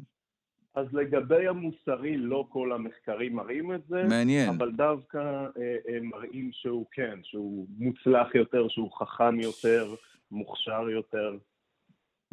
אכן. מה יש לומר על מחקר כזה? לא יודע, טוב, זה ברור למה זה קצת אה, מבאס שהעולם עובד כך, אבל... אה, אה, טוב, עכשיו, אני מבין שיש הבדל בין גברים ובין נשים בכל נושא היופי? נכון, אבל אחד הדברים המעניינים, היינו מצפים, נכון, שבגלל שנוטים לשפוט נשים יותר על פי יופי, אז הפער, פערי השכר בין, ה, בין גברים שנראים טוב לבין גברים שנראים פחות טוב יהיו יותר נמוכים מאשר אצל נשים. כן. ואנחנו רואים שדווקא בדיוק ההפך, בהרבה מדינות, נניח בארצות הברית, כן. הפער בין גברים יפים לפחות יפים הוא יותר גדול מאצל נשים. רגע, אז מי מרוויח יותר, גברים אה, יפים או נשים יפות? אני מבין שלהשוות בין נשים כאלה וכאלה, אוקיי, אבל מה בין גברים ונשים? עדיין גברים מרוויחים יותר? גברים כמובן, כן, עדיין מרוויחים יותר, אבל אה, אה, אה, על המשכורת של גברים, אה, בהרבה מדינות היופי יותר משפיע, שזה נשמע mm. מוזר, אבל יש לזה הסבר מאוד מעניין, הסבר מעניין וקצת למה? עצוב. למה, שוב אה, נזכיר את הנקודה האחרונה או נדגיש אותה, גברים יפים, אה, עבורם התוספת היא גדולה יותר, למה? נכון. הסיבה לכך, וזו סיבה שנותן אחד החוקרים הכי מוכרים בהקשר של הקשר בין יופי לכסף, החוקר דניאל המרמש, טוען, וגם יש לזה כמה הוכחות, שהרי לנשים יש יותר בחירה אם להיכנס לשוק העבודה. נשים נשואות למשל וכולי, בחברה שאנחנו חיים בה לא כל הנשים מחליטות להיכנס לשוק העבודה, ואחד הדברים העצובים הוא באמת שיש נשים שמחליטות, נשים שהן נתפסות בעיני עצמן כפחות אטרקטיביות, מחליטות לא להיכנס לשוק העבודה. אאו, וואו. כן, כן. טוב, אז אה, בשורה התחתונה, מה עליי לעשות כדי להרוויח את אותם, לגזור את הקופון הזה ולהרוויח עוד עשרה אחוזים או חמישה עשר אחוזים? ניתוחים פלסטיים, אה, איפור כל בוקר, אה, צבע שיער, תסרוקת יפה? אז קודם כל, כל הדברים שאמרת, באמת, כמובן שאומרים נכון שהיופי הוא בעיני המתבונן, וכל אחד יש לו את הסטנדרטים של היופי שלו, אבל במחקרים בפסיכולוגיה באמת מראים שהרבה פעמים יש לנו מאפיינים די משותפים אה, בתפיסת היופי שלנו, mm. וממש לוקחים, סוקרים המון תמונות של אנשים ונותנים ל... אה, אה, אתה יודע, לנבדקים לבחור אילו תמונות הכי יפות, ועל פי זה גם מנתחים אילו מאפיינים אז שוב, אה, זו נקודה חשובה, כי באמת אה, יופי וכולי זה משהו שהוא סובייקטיבי, הוא באמת בעיני המתבונן, ובכל זאת אתה אומר שכן יש כל מיני אה, קריטריונים שאיכשהו משפיעים עלינו, אני חושב שזה גם קשור ל... יש הטוענים לסימטריה וכולי, שוב, אני לא, לא בטוח שזה אה, בעיקר העניין, אבל כן יש קונבנציה שהיא יפה, ורוב הציבור חושב שהיא יפה, או הוא יפה. נכון, נכון. אז יש מקרים גבוליים, אבל יש מקרים שמאוד ברור, וככה המחקרים האלה בעצם נערכים. לוקחים את התמונה שלך, או שלי, או של אנשים אחרים, וממש נותנים לאנשים לדרג אותם, ממש כמו, אתה יודע, ב... אה, פעם האתרים שהיו מדרגים גברים ונשים על פי אטרקטיביות, אז ככה במקרים רבים זה נעשה במחקר. אבל כמובן זה למטרה טובה, כי זה נועד כדי קצת לצמצם את פער המעמדות, כן? יש לנו פה שני, מדברים הרבה פעמים על מעמדות כלכליים, אז יש לנו פה מעמדות של יפים ולא יפים, והלא יפים הם מופלים, אתה יודע, צריך לחקור את הנושא הזה כדי להבין גם מה קורה, אבל גם אולי איך אפשר לשנות את זה. מדהים איך משהו כל כך לא רלוונטי, אסור להשפיע. אנחנו יודעים שאתה יודע, רוב המק... ברוב המקצועות, אם זה לא מדובר בדוגמנות וכולי, הלוק, המראה, לא באמת רלוונטי, ובכל זאת זה משפיע על רמת השכר. כן, כן, אז, אז אתה צודק, ובאמת יש, כמו שאמרנו, מקצועות שבהם זה רלוונטי, נכון. אבל יש מקצועות שבהם, כמו שאתה אומר, זה רק הטיה פסיכולוגית. פש... זה רק כי אנחנו תופסים אנשים יפים כמוצלחים יותר. וואו. כן. טוב, אה, נסיים שוב עם השיר שמשדר הצלחה, ונודה לך כמובן על, ה, אה, על הסקירה הזו. דוקטור יאיר בן דוד, חוקר ומרצה בתחום הפסיכולוגיה של המוסר, מחבר הספר איך להיות טוב. תודה רבה. תודה רבה.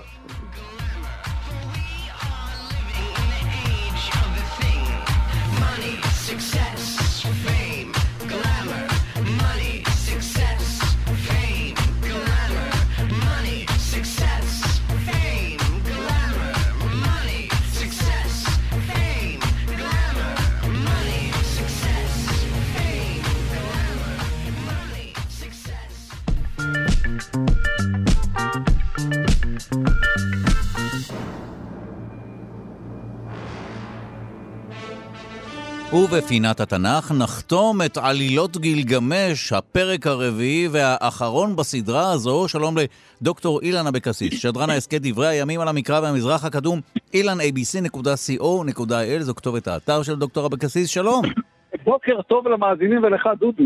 ואכן, כמו שאמרת, אנחנו קרבים לסוף הסאגה הזאתי, ותקציר העלילה עד כה, אם אתה זוכר, גילגמש וחברו אנקידו עברו הרפתקאות שונות ומשונות ואנקידו וגילגמש האבל יצא לחפש חיי נצח. עכשיו, בסוף לוח תשע הגיע גילגמש לחופו של הים הקוסמי אל מגוריה של סידורי המוזגת. ומה היא ראתה? היא ראתה איש, כתוב עליו, לבוש עורות, משונה מראהו, היא מאוד נבהלה. המוזקת, המוזקת צפתה למרחקים, דיברה אל ליבה. אולי האיש המרצח הוא הלד. ראתה אותו המוזגת, ותנעה לדלתה, שערה נעלה ועלתה אל הגג. עכשיו גילגמש התעצבן ואיים שאם היא לא תפתח לו את השער מיד, הוא ינפץ את הדלת וישבור את המנעול. אתה יודע, וכשבחור מגודל כמו גילגמש מאיים, אנשים נוטים להאמין לו. עכשיו, okay. אוקיי. סידור הבינה כי מאחורי החזות המאיימת והמצויה נשמה של ברבור בעצם, ושאלה אותו לפשר מחרובו. גילגמש סיפור שוב, סיפר שוב שהוא הרג את פר השמיים והרג את חומבבא ועיקר הראיות לרוב. עכשיו, סידור אמר לו שזה מאוד יפה ומאוד מרשים, אבל בכל זאת, מדוע הוא נראה כה עצוב? ותשובת גילגמש מתמקדת באין קידום. הלך בדרך כל בשר, שישה ימים ושבעה לילות עליו בכיתי, לא נתתי הורידו קבר, עדי תולעת נפלה מאפו. עכשיו, אם נפילת התולעת, גילגמש בעצם הפנים את מות הנקידות, ובעתה אחזה בו, עכשיו, במסגרת הפחד הוא החל לחפש חיי נצח, וסידורי הסבירה לו שהוא לא ימצא חיי נצח, אז שאיננה החיים שכבר יש לו. עכשיו, סידורי רמזה בדבריה לדרך היחידה, בה נוכל להשאיר משהו מחיינו לאחר מותנו, היא אמרה לו, הבט בילד האוחז בכפך, והנה סוד הקיום האנושי בארבע מילים. אבל גילגמש לא הקשיב לה, הוא מחפש את אוטנפישטים והיא אימה. השאלה האם סידורי יכולה לעזור לו למצוא את אוטנפישטים או לא. זה הכל. הוא ניסה להסביר לו ששוב זה בלתי אפשרי לחצות את ים את ים המוות. מצידו השני נמצא אוטנפישטים, הבחור שזכה לחיי נצח. אבל בסוף יש קצה חוט, והיא אמרה לו ככה, גילגמש, ישנו אור שנבי המלאך, איש אוטנפישטים, וצלמי האבן עימו, צלמי האבן הכוונה משוטי אבן עמידים בפני מי המוות, אם יהיה לאל ידך, עבור עמו. אם לא, אם לא יהיה לאל ידך, שוב לאחוריך. עכשיו גילגמש רץ מיד כמוכה אמוק, והוא לא ממש חשב על מעשיו, אתה יודע, כדרכיו של מוכה אמוק, הוא התנפל על אורקשנבי ושבר את צלמי האבן, עמם ניתן לחטוף את ים המוות. אחרי זה הוא פנה לאורקשנבי והתחיל לשוחח עמו. עכשיו, לא ברור מדוע גילגמש לא פנה לאורקשנבי מלכתחילה, ועוד פחות ברור מדוע הוא שבר את צלמי האבן. אבל זה נועד לבנות את המתח ולהציג את גילגמש באור אנושי אחד שלא תמיד חושב עד הסוף. גילגמש חזר שוב על כל הסיפור על חובה בפר השמיים וכולי וכולי, והוא ביקש מאורשנבי המלאך שיראה לו את הדרך לאוטנפישטים. אורשנבי הסכים, אבל יש בעיה. צלמי אבי נשברו, אי אפשר לעבור. אבל יש גם פתרון, גילגמש נשלח להכין 120 שוטים בני 60 אמה, 30 מטר כל אחד. עכשיו, בהגיעם אל מי המוות, גילגמש הכניס משט אחד במים, אבל אלו משטים חד פעמים. שתיים שלוש נגיעות ומי המוות מעכלים אותם, וככה הוא השתמש בכל 120 המשוטים אחד אחרי השני, אבל הם לא גמרו לצלוח את מהמוות. בסופו של דבר גילגמש התפשט פחות או יותר, ומהבגד שלו הוא עשה מפרס. ובזודון צלחו את שארית המסע. על החוף עצמו פתאום בחור בשם אוטנפישטים, אותו הוא חיפש, ראה מחזה מוזר. הספינה מוכרת לו, ללא צלמי האבן, עם מפרס, בחור לא מוכר וגם ללא בגדים. הם התוודו, התוודו זה לזה, והוא חזר על הסיפור מההתחלה שוב ושוב, חובה בפר השמיים, אין קידו, הכל, הכל, הכל. עכשיו, אוטנפישטים העזים בסבלנות ורמז בעדינות, אמר גילגמש, אתה לא ראוי לבוא בחברת האלים ולזכות בחיי נצח. האדם נועד למות, ככה זה. עכשיו, גילגמש לא התרשם מהדברים ואמר לו בפשטות, הגד לי, איך התייצבת במבחרת, במבחרת האלים וביקשת חיי נצח. עכשיו, לאוטנפישטים היה סיפור מדהים מדהים מדהים, האלים החליטו להביא מבול ונשבעו שלא לספר זאת לאף אחד, כדי שלא יהיו ניצולים, אבל אה, אחד האלים התחכם, כתוב, הנסיך אה נשבע עמם, נשבע שלא לגלות את הסוד, והגיד דבריהם לסוכה. סוכה סוכה, כותל כותל, סוכה שינעינה, כותל הסכת. איש שורה, איש שורה פקבן וברטוטו, זה אוטנפישטין, זה הכינוי שלו, הרוס בית, בנס ספינה, נטוש בתו, הכוונה הרוס עושר, בקש חיים, רכוש מעט, נפש חיי, העלה זרע כל, כל חי, אה, לב הספינה. היה בעצם סיפר על החלטה לסוכה, הוא, הוא לא הפר את השבועה באופן טכני, שלא לגלות את זה, את המבול. זה שהוא מפישטים היה מהגבוה השני של הכותל, והכותל עשוי מקנים דקים, זה עניין אחר. ההוראה לאותנפישטי מאוד ברורה, עזוב הכל ובני ספינה, ועליה עליה זרע נפש כל חי, ושיהיה בהצלחה. עכשיו אתה יודע, דמיון הסיפור המקראי הוא ברור ומדהים, גם נוח תשובה לבנות ספינה ולהביא עליה בעלי חיים, עכשיו תראו, טור המבול הוא דרמטי, שים לב, הדד אל הסערה הכוונה, בקרבה קול, אה, כמו טפחת חרס שברו, האלים הכוונה, את הארץ לרוחבה. יום אחד נשב רוח זלעפות, חיש נשב והמבול ניתח. שישה ימים ושבעה לילות התחולל רוח, מבול, שר זלעפות הציס את הארץ. בהגיע היום השביעי, שכח שר הזלעפות, נח הים, נדם שר זלעפות, נכלא המבול. עכשיו אצל נוח המבול נמשך 40 יום כזכור, כשקם המבול, אוטנפישטי מציץ החוצה, והוא אומר ככה, הבטתי לים והנה הושלך חף. כל בני אנוש שבו אל העפר, האדמה הייתה למישור כמו גג. על הר ניציר נחה הספינה, הר ניציר נמצא בערך 80 קילומטר מקירקוק, אה, לא רחוק מאזור ערערת אגב. יום אחד, יום שני, החזיק הר ניציר בספינה, בוא דילגתי ליום השביעי, בהגיע היום השביעי יוצאתי ואשלח היונה. הלכה עונה היא תופפה, מנוח לא, לא נמצא לה בתש הוואי. יוצאתי ואשלח סנונית, הלכה הסנונית, היא תופפה, מנוח לא נמצא לה בתש עליי. רציתי ואשלח את העורב. הלך העורב, ראה כי קלו המים, אכל, ניטר, פרח, ולא שב אליי. הקבלה למקרא היא מרתקת. נוח שלח את העורב פעם אחת ואז את היונה שלוש פעמים. ואותנפישטים הוא ימאי הרבה יותר טוב מנוח. אתה יודע, העורב זה ציפור הכי אינטליגנטית, בטח ובטח לעומת היונה. ובסוף אותנפישטים הקריב קורבן לאלים. כתוב, האלים ירוחו את הניחוח הטוב, האלים כמו זבובים נקלו על בעל הקורבן. בזמן המבול אף אחד לא הקריב קורבן, האלים היו רעבים. עכשיו זה מזכיר כמובן את הפסוק המקראי וירח אדוני את ריח הניחוח. עכשיו, אין ליל, אחד האלים האחרים מבין שמישהו ניצל מן הגבול וכעס. היה לא התנצל ואמר שעונש קיבוצי אינו ראוי ואינו צודק.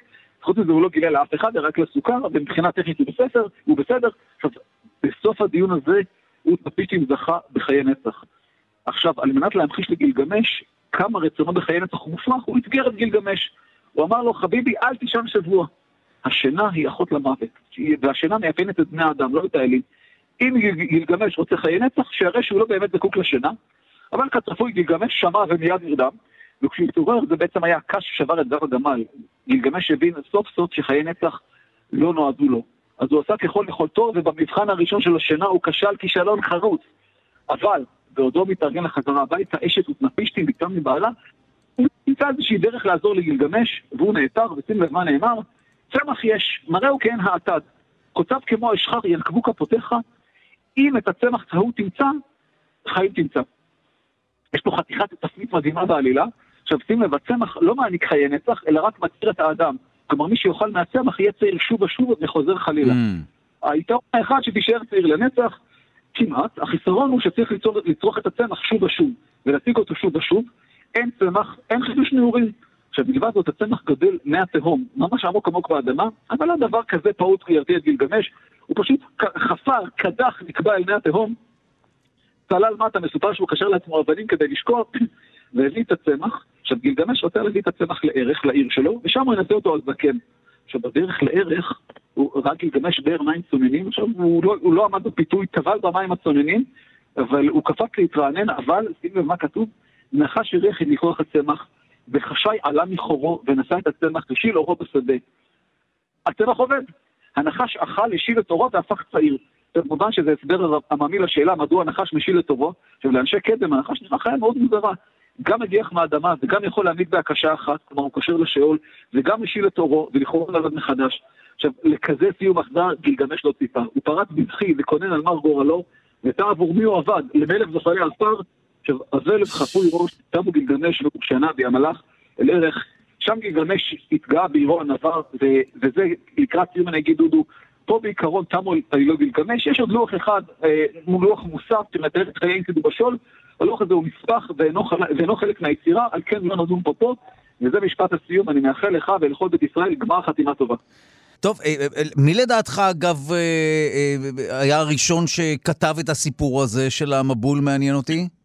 אה, לדעתי, לאור תפוצת סיפורי המבול בהרבה תרבויות, גם במצרים, גם בבבל, גם באשור, גם ביוון, גם בישראל, אנחנו יודעים שקטעים מהמיתוס הזה מצאו אצל השומרים כבר בשנת 3000 לפני הספירה, mm. ולדעתי זה המקור שממנו ינקו תרבויות אחרות, וגם התנ"ך שלנו כנראה. וואו, אוקיי. טוב, תודה לך, דוקטור אילן אבקסיס, שדרן ההסכת דברי הימים על המקרא והמזרח הקדום, אילן abc.co.il, תודה רבה לך. תודה לך ולמאזינים.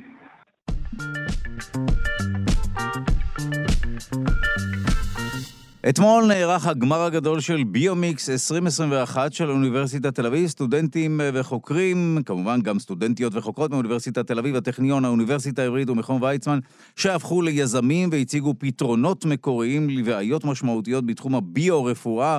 התחרו, מדובר היה באירוע מקוון, התחרו חמש קבוצות של סטודנטים שהשתתפו במשך שנה בתוכנית שמעודדת חשיבה חדשנית יזמית.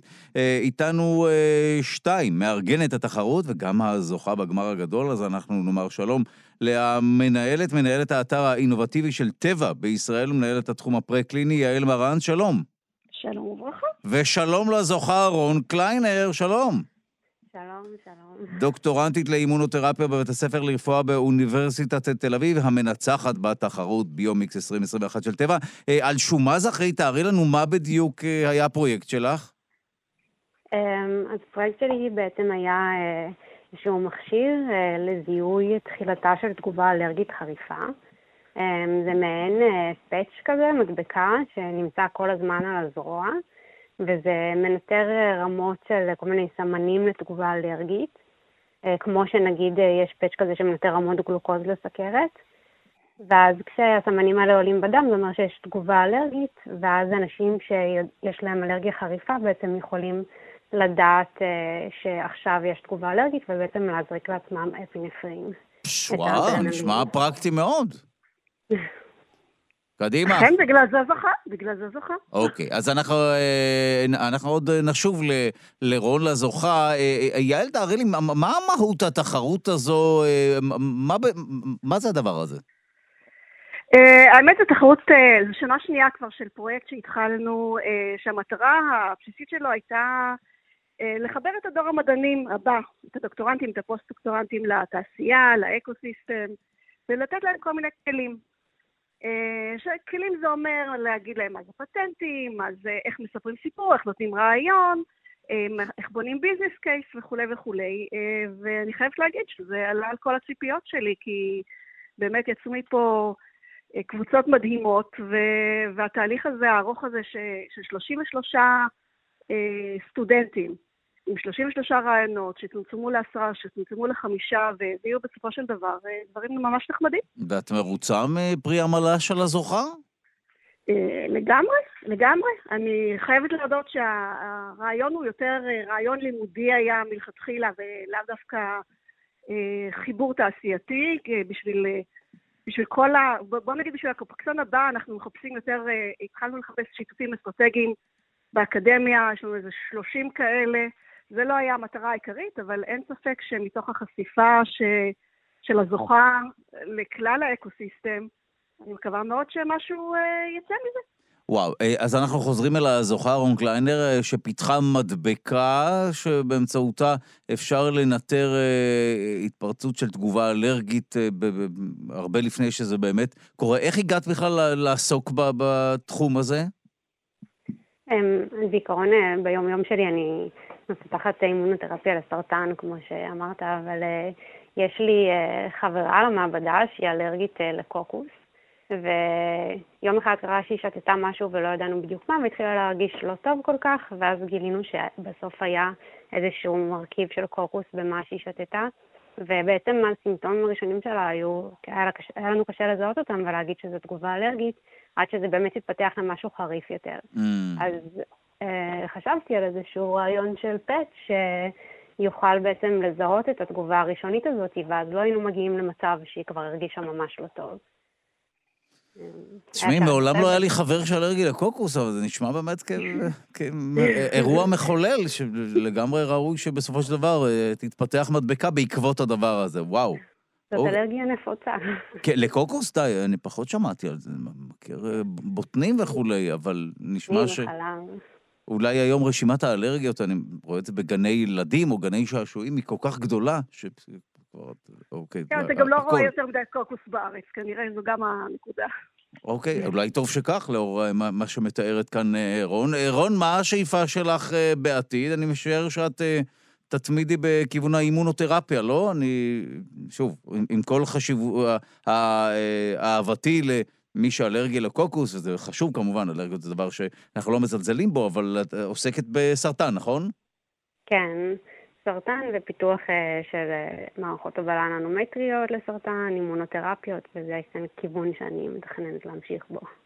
אוקיי, okay, אז uh, נרגעתי, אנחנו uh, מודים uh, לשתיכן, ובהצלחה כמובן uh, גם בהמשך ובשנה הבאה. יעל מרנץ, מנהלת האתר האינובטיבי של טבע בישראל, מנהלת התחום הפרה-קליני, מי שאחראית על התחרות הזו, ביומיקס 2021, והזוכה, רון קליינר, דוקטורנטית לאימונותרפיה בבית הספר לרפואה באוניברסיטת תל אביב, המנצחת הגדולה בתחרות ביומיקס 2021 של טבע. תודה רבה. תודה. תודה רבה.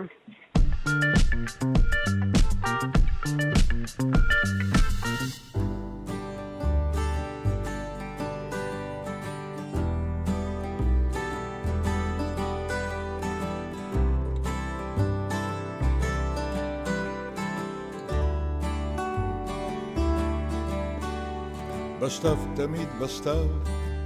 ובמסגרת פינת הלשון, יום הכיפורים, שלום לדוקטור סמדר כהן, לשונאית הבית שלנו. שלום דודו, בוקר טוב, מה שלומך?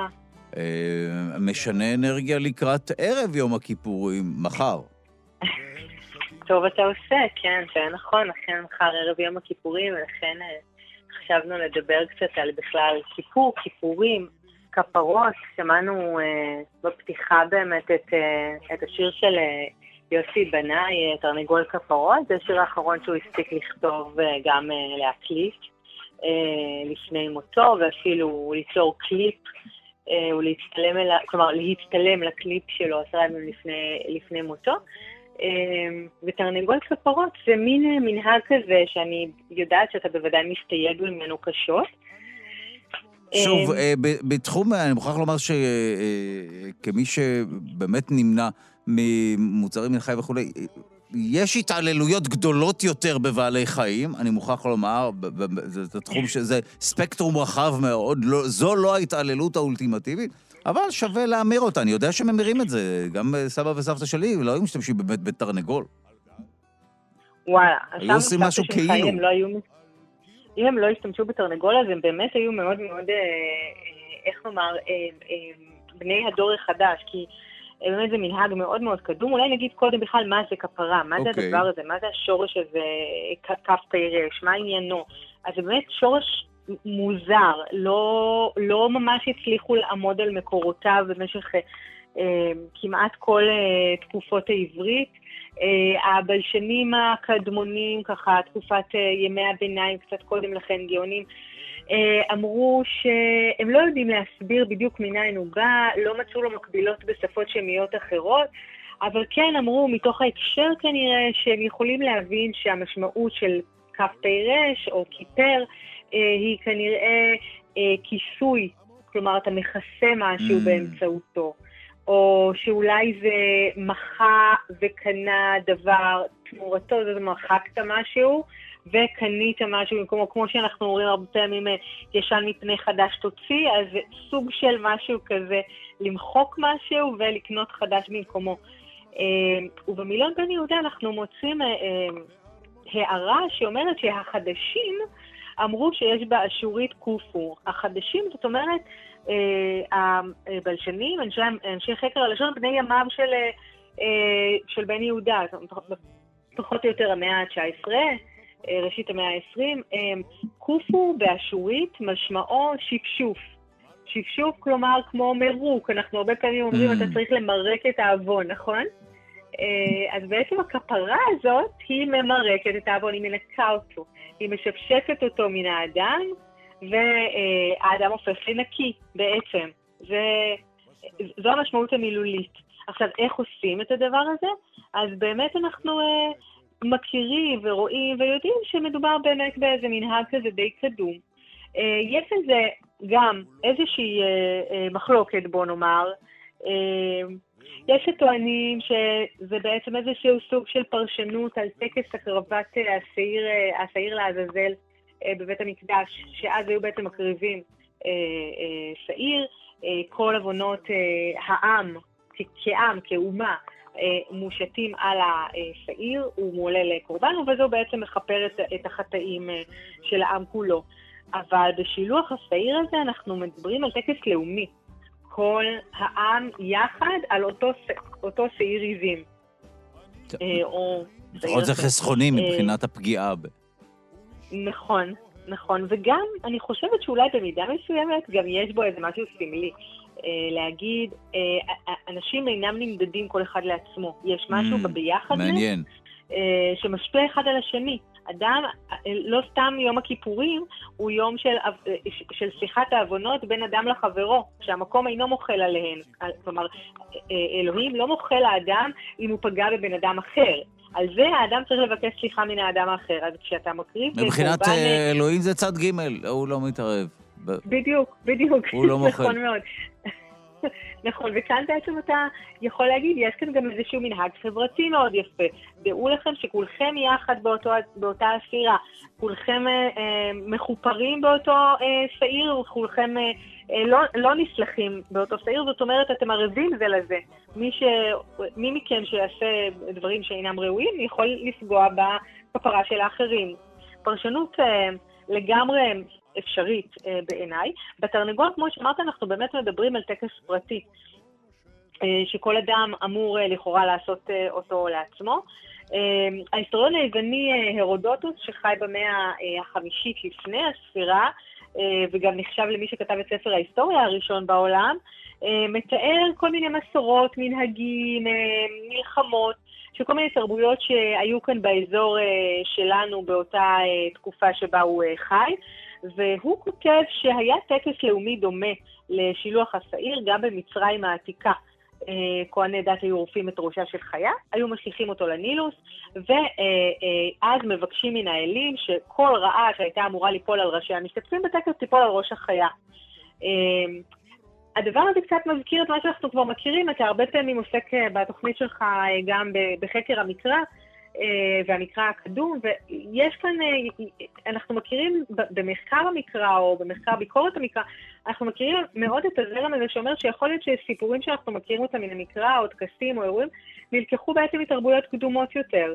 אה, לא דווקא מן היהדות. אני, אני כמובן חלילה לא רוצה לומר שזה המצב, אבל כן יש כאן איזשהו הדהוד למשהו שהיה קיים גם בתרבויות אחרות.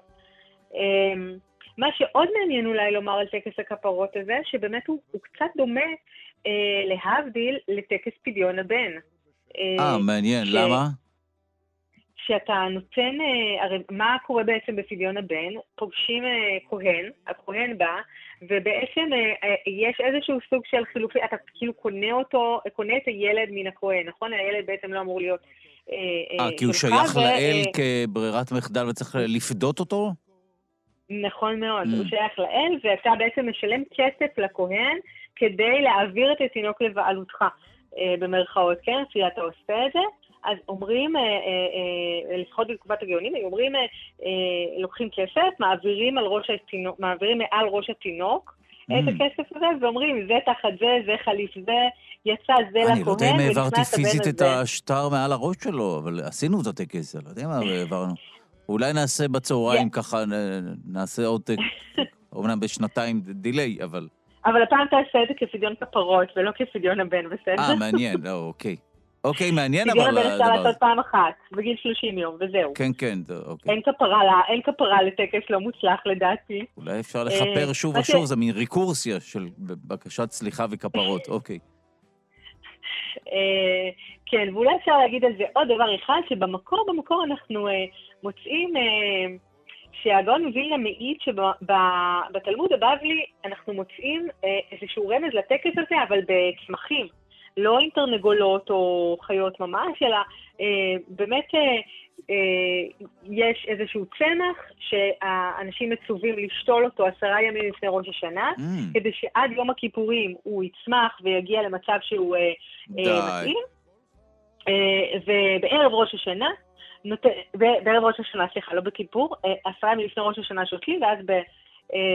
בראש השנה, בערב ראש השנה, נוטל, כך כתוב, כך כתוב בתלמוד, בפירוש הגאונים, נוטל כל אחד את שלו, כלומר את הצמח שלו, ומחזירו, כלומר מסובבו, סביבות ראשו שבע פעמים, ואומר, זה תחתיי וזה חליפתי וזה תמורתי, ואז משליך את הצמח הזה לנהר.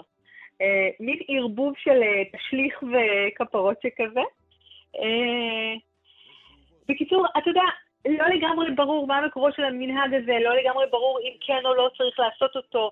הרמב"ן חשב שזה בכלל עבודה זרה או אמונה תפלה, ושלא צריך בכלל לעשות את הטקס הזה. Uh, הרשב"א אומר שהוא לא ממש מבין למה עושים את זה, ושזה שטויות והבלים. Uh, הרמב"ן בכלל לא הזכיר את המנהג הזה בהקשרים שלו, ומשום כך למשל התימנים בכלל לא עושים מנהג כפרות. Uh, אה, אפילו, אפילו רבי יוסף קארו, בעל שולחן ערוך, אה, אמר שצריך לבטל את המנהג הזה. זאת אומרת, יש פה באמת איזושהי מחלוקת מאוד אה, ארוכה, ככה, לכל דורותיה של היהדות. וכמו שאתה אמרת שאצל סבא וסבתא שלך לא השתמשו בתרנגול, לא, אלא. לא, הם היו לוקחים מין מגש כזה עם כל מיני, לא יודע מה היה שם, אבל זו לא הייתה תרנגולת. זה ממש מעניין, כי מגש וכזה זה מאוד באמת משלב את מה שעושים בפדיון הבן. גם בפדיון הבן לוקחים בעצם חמישה מטבעות כסף, כסף טהור אמיתי, mm. שמים אותם על מגש ומעבירים אותם.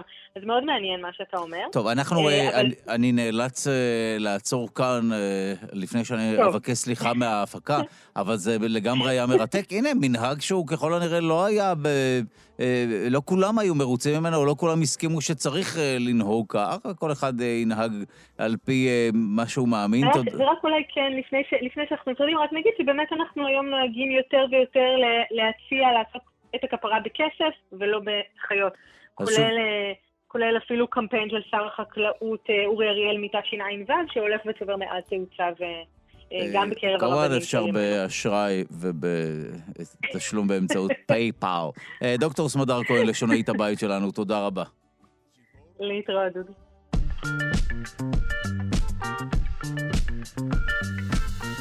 ובמסגרת פינת הספרות נעסוק במשבר האספקה העולמי בשוק הספרים. שלום לנועה מנהיים, ראש מחלקת ספרות עברית בזמורה. ביטן דביר, מגישת ההסכת האחיות גרים בגלי צה"ל, שלום. שלום, ושנה טובה וגמר חתימה טובה. אה, ואנחנו באמת, אה, האם אנחנו עומדים בפני צום ספרים? למה? כי מה הבעיה?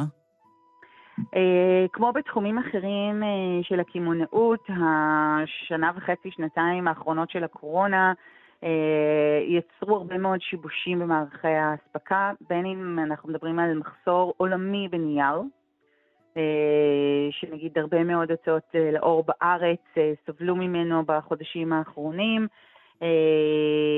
וזה גרם לכך שאפילו בשבוע הספר היו ספרים שלא הספיקו להדפיס אותם. אה, ובין אם אנחנו מדברים על אה, ספרים שמודפסים במדינות אסיאתיות, הרבה מספרי הילדים, במיוחד mm. ספרי ילדים מורכבים, נגיד יש אה, במדינות אירופיות וגם בארצות הברית, לחג המולד נוהגים לתת ספרי pop-up, מה שנקרא, כאלה שנפתחים והם תלת-ממדיים. אז רוב הספרים האלה, שהם מאוד מאוד מורכבים מבחינת עשייה, מודפסים במדינות אסיאתיות, בין אם זה בסין, בין אם זה באזורים אחרים. ושם הסגרים התכופים אה, וגם ההתייקרות של כל נושא השינוע והאחסון גורמים לעיכובים איומים ונוראים. אה, זה מו"לים שמאבדים עסקאות בשבע ספרות בגלל בעיות האספקה הללו. ואם אתם אה, מעוניינים להבטיח לעצמכם ספרים לחגים, צאו וקנו אותם עוד היום, כי אין לדעת... הם כן עוטו על חנויות הספרים, היסטריה. אם יהיו מספיק. טוב, מקסימום, אה, אה, למרות ששוב, החנויות נראות אה, מלאות וכולי, אבל אנחנו יודעים שמדובר באמת ב... מתישהו הדברים האלה באמת ישפיעו נכון, עלינו. בדיוק. זאת אומרת, אני חושבת שיש גם תמיד שאלה אצל כל מו"ל, צריך לאזן בין הרצון להוציא לאור את הכותרים החדשים ביותר. אה, ובין הדפסות חוזרות של ספרים שכבר יצאו לאור. Mm. ואז השאלה היא תמיד, האם אנחנו נראה את הספרים החדשים, אבל כשנמצא להזמין ספרים ישנים יותר, אה, שאלה היו דווקא, רוב הספרים שנמכרו בשנתיים האחרונות היו אה, מה שנקרא ספרי Backlist. רוב המו"לים, גם בארץ וגם בעולם, לא הוציאו הרבה ספרים חדשים. רוב הספרים שנמכרו היו ספרים מהרשימה הקבועה של המו"לים. ואז מה קורה? האם אתה מדפיס ספרים חדשים, או שאתה אה, מדפיס את הספרים הוותיקים והטובים שלך. אה, אז כל התעשייה הזו היום עומדת בפני אה, התלבטויות מהסוג הזה. אה, אבל מאחר ואני הבנתי שאיקאה כבר הודיעה על כך שיהיו לה אה, חוסרים בשנים הקרובות, אה, אז מה לנו כי נלין, כמו שאומרים. אה, רגע, בקטלוגים או ברהיטים? איפה הבעיה באיקאה. אני, אנחנו נסטה לרגע מהנושא ונגיד שכנראה ברהיטים, לא בקטלוגים. Mm, זהו, זהו. מל, מלחיץ באותה מידה. אה, כמובן. איפה אוקיי, נקראת אז, הכונניות אה, בקרוב- לשים עליהם את הספרים? זהו, נכון. אה, בקרוב אה, לא יהיו ספרים, אה, משבר אה, עולמי שיצר מצוקה. אין נייר, אין משאיות, אין מכולות. נסתפק במה שקראנו עד כה כמובן, ונתבוסס בבורות מעכשיו. תודה רבה לך, נועה מנהיים, ראש מחלקת ספרות עברית בזמורה ביטן דביר, מגישת ההסכת האחיות גרים בגלי צה"ל, תודה. תודה רבה. אנחנו סיימנו את התוכנית להיום, נספר לכם מי עמל על המשדר, העורך שלנו הוא רז חסון, המפיקה היא אלכסנדרה לויקר, על הביצוע הטכני די.ג'יי חן עוז. תודה רבה ליגאל שפירא שמלווה אותנו. אתם ואתן מוזמנים ומוזמנות להצטרף לקהילה הרשמית של שלושה שיודעים בפייסבוק, כאן שלושה שיודעים. נזכיר שאפשר להאזין לשלושה שיודעים גם כהסכת בכל זמן ובכל מקום באמצעות היישומון של כאן, גם באמצעות ספוטיפיי, אפל וגוגל, שיהיה לכם יום נעים ושקט, הקפידו על עטיית מסכות, שמרו על עצמכם, גשו להתחסן. להתראות.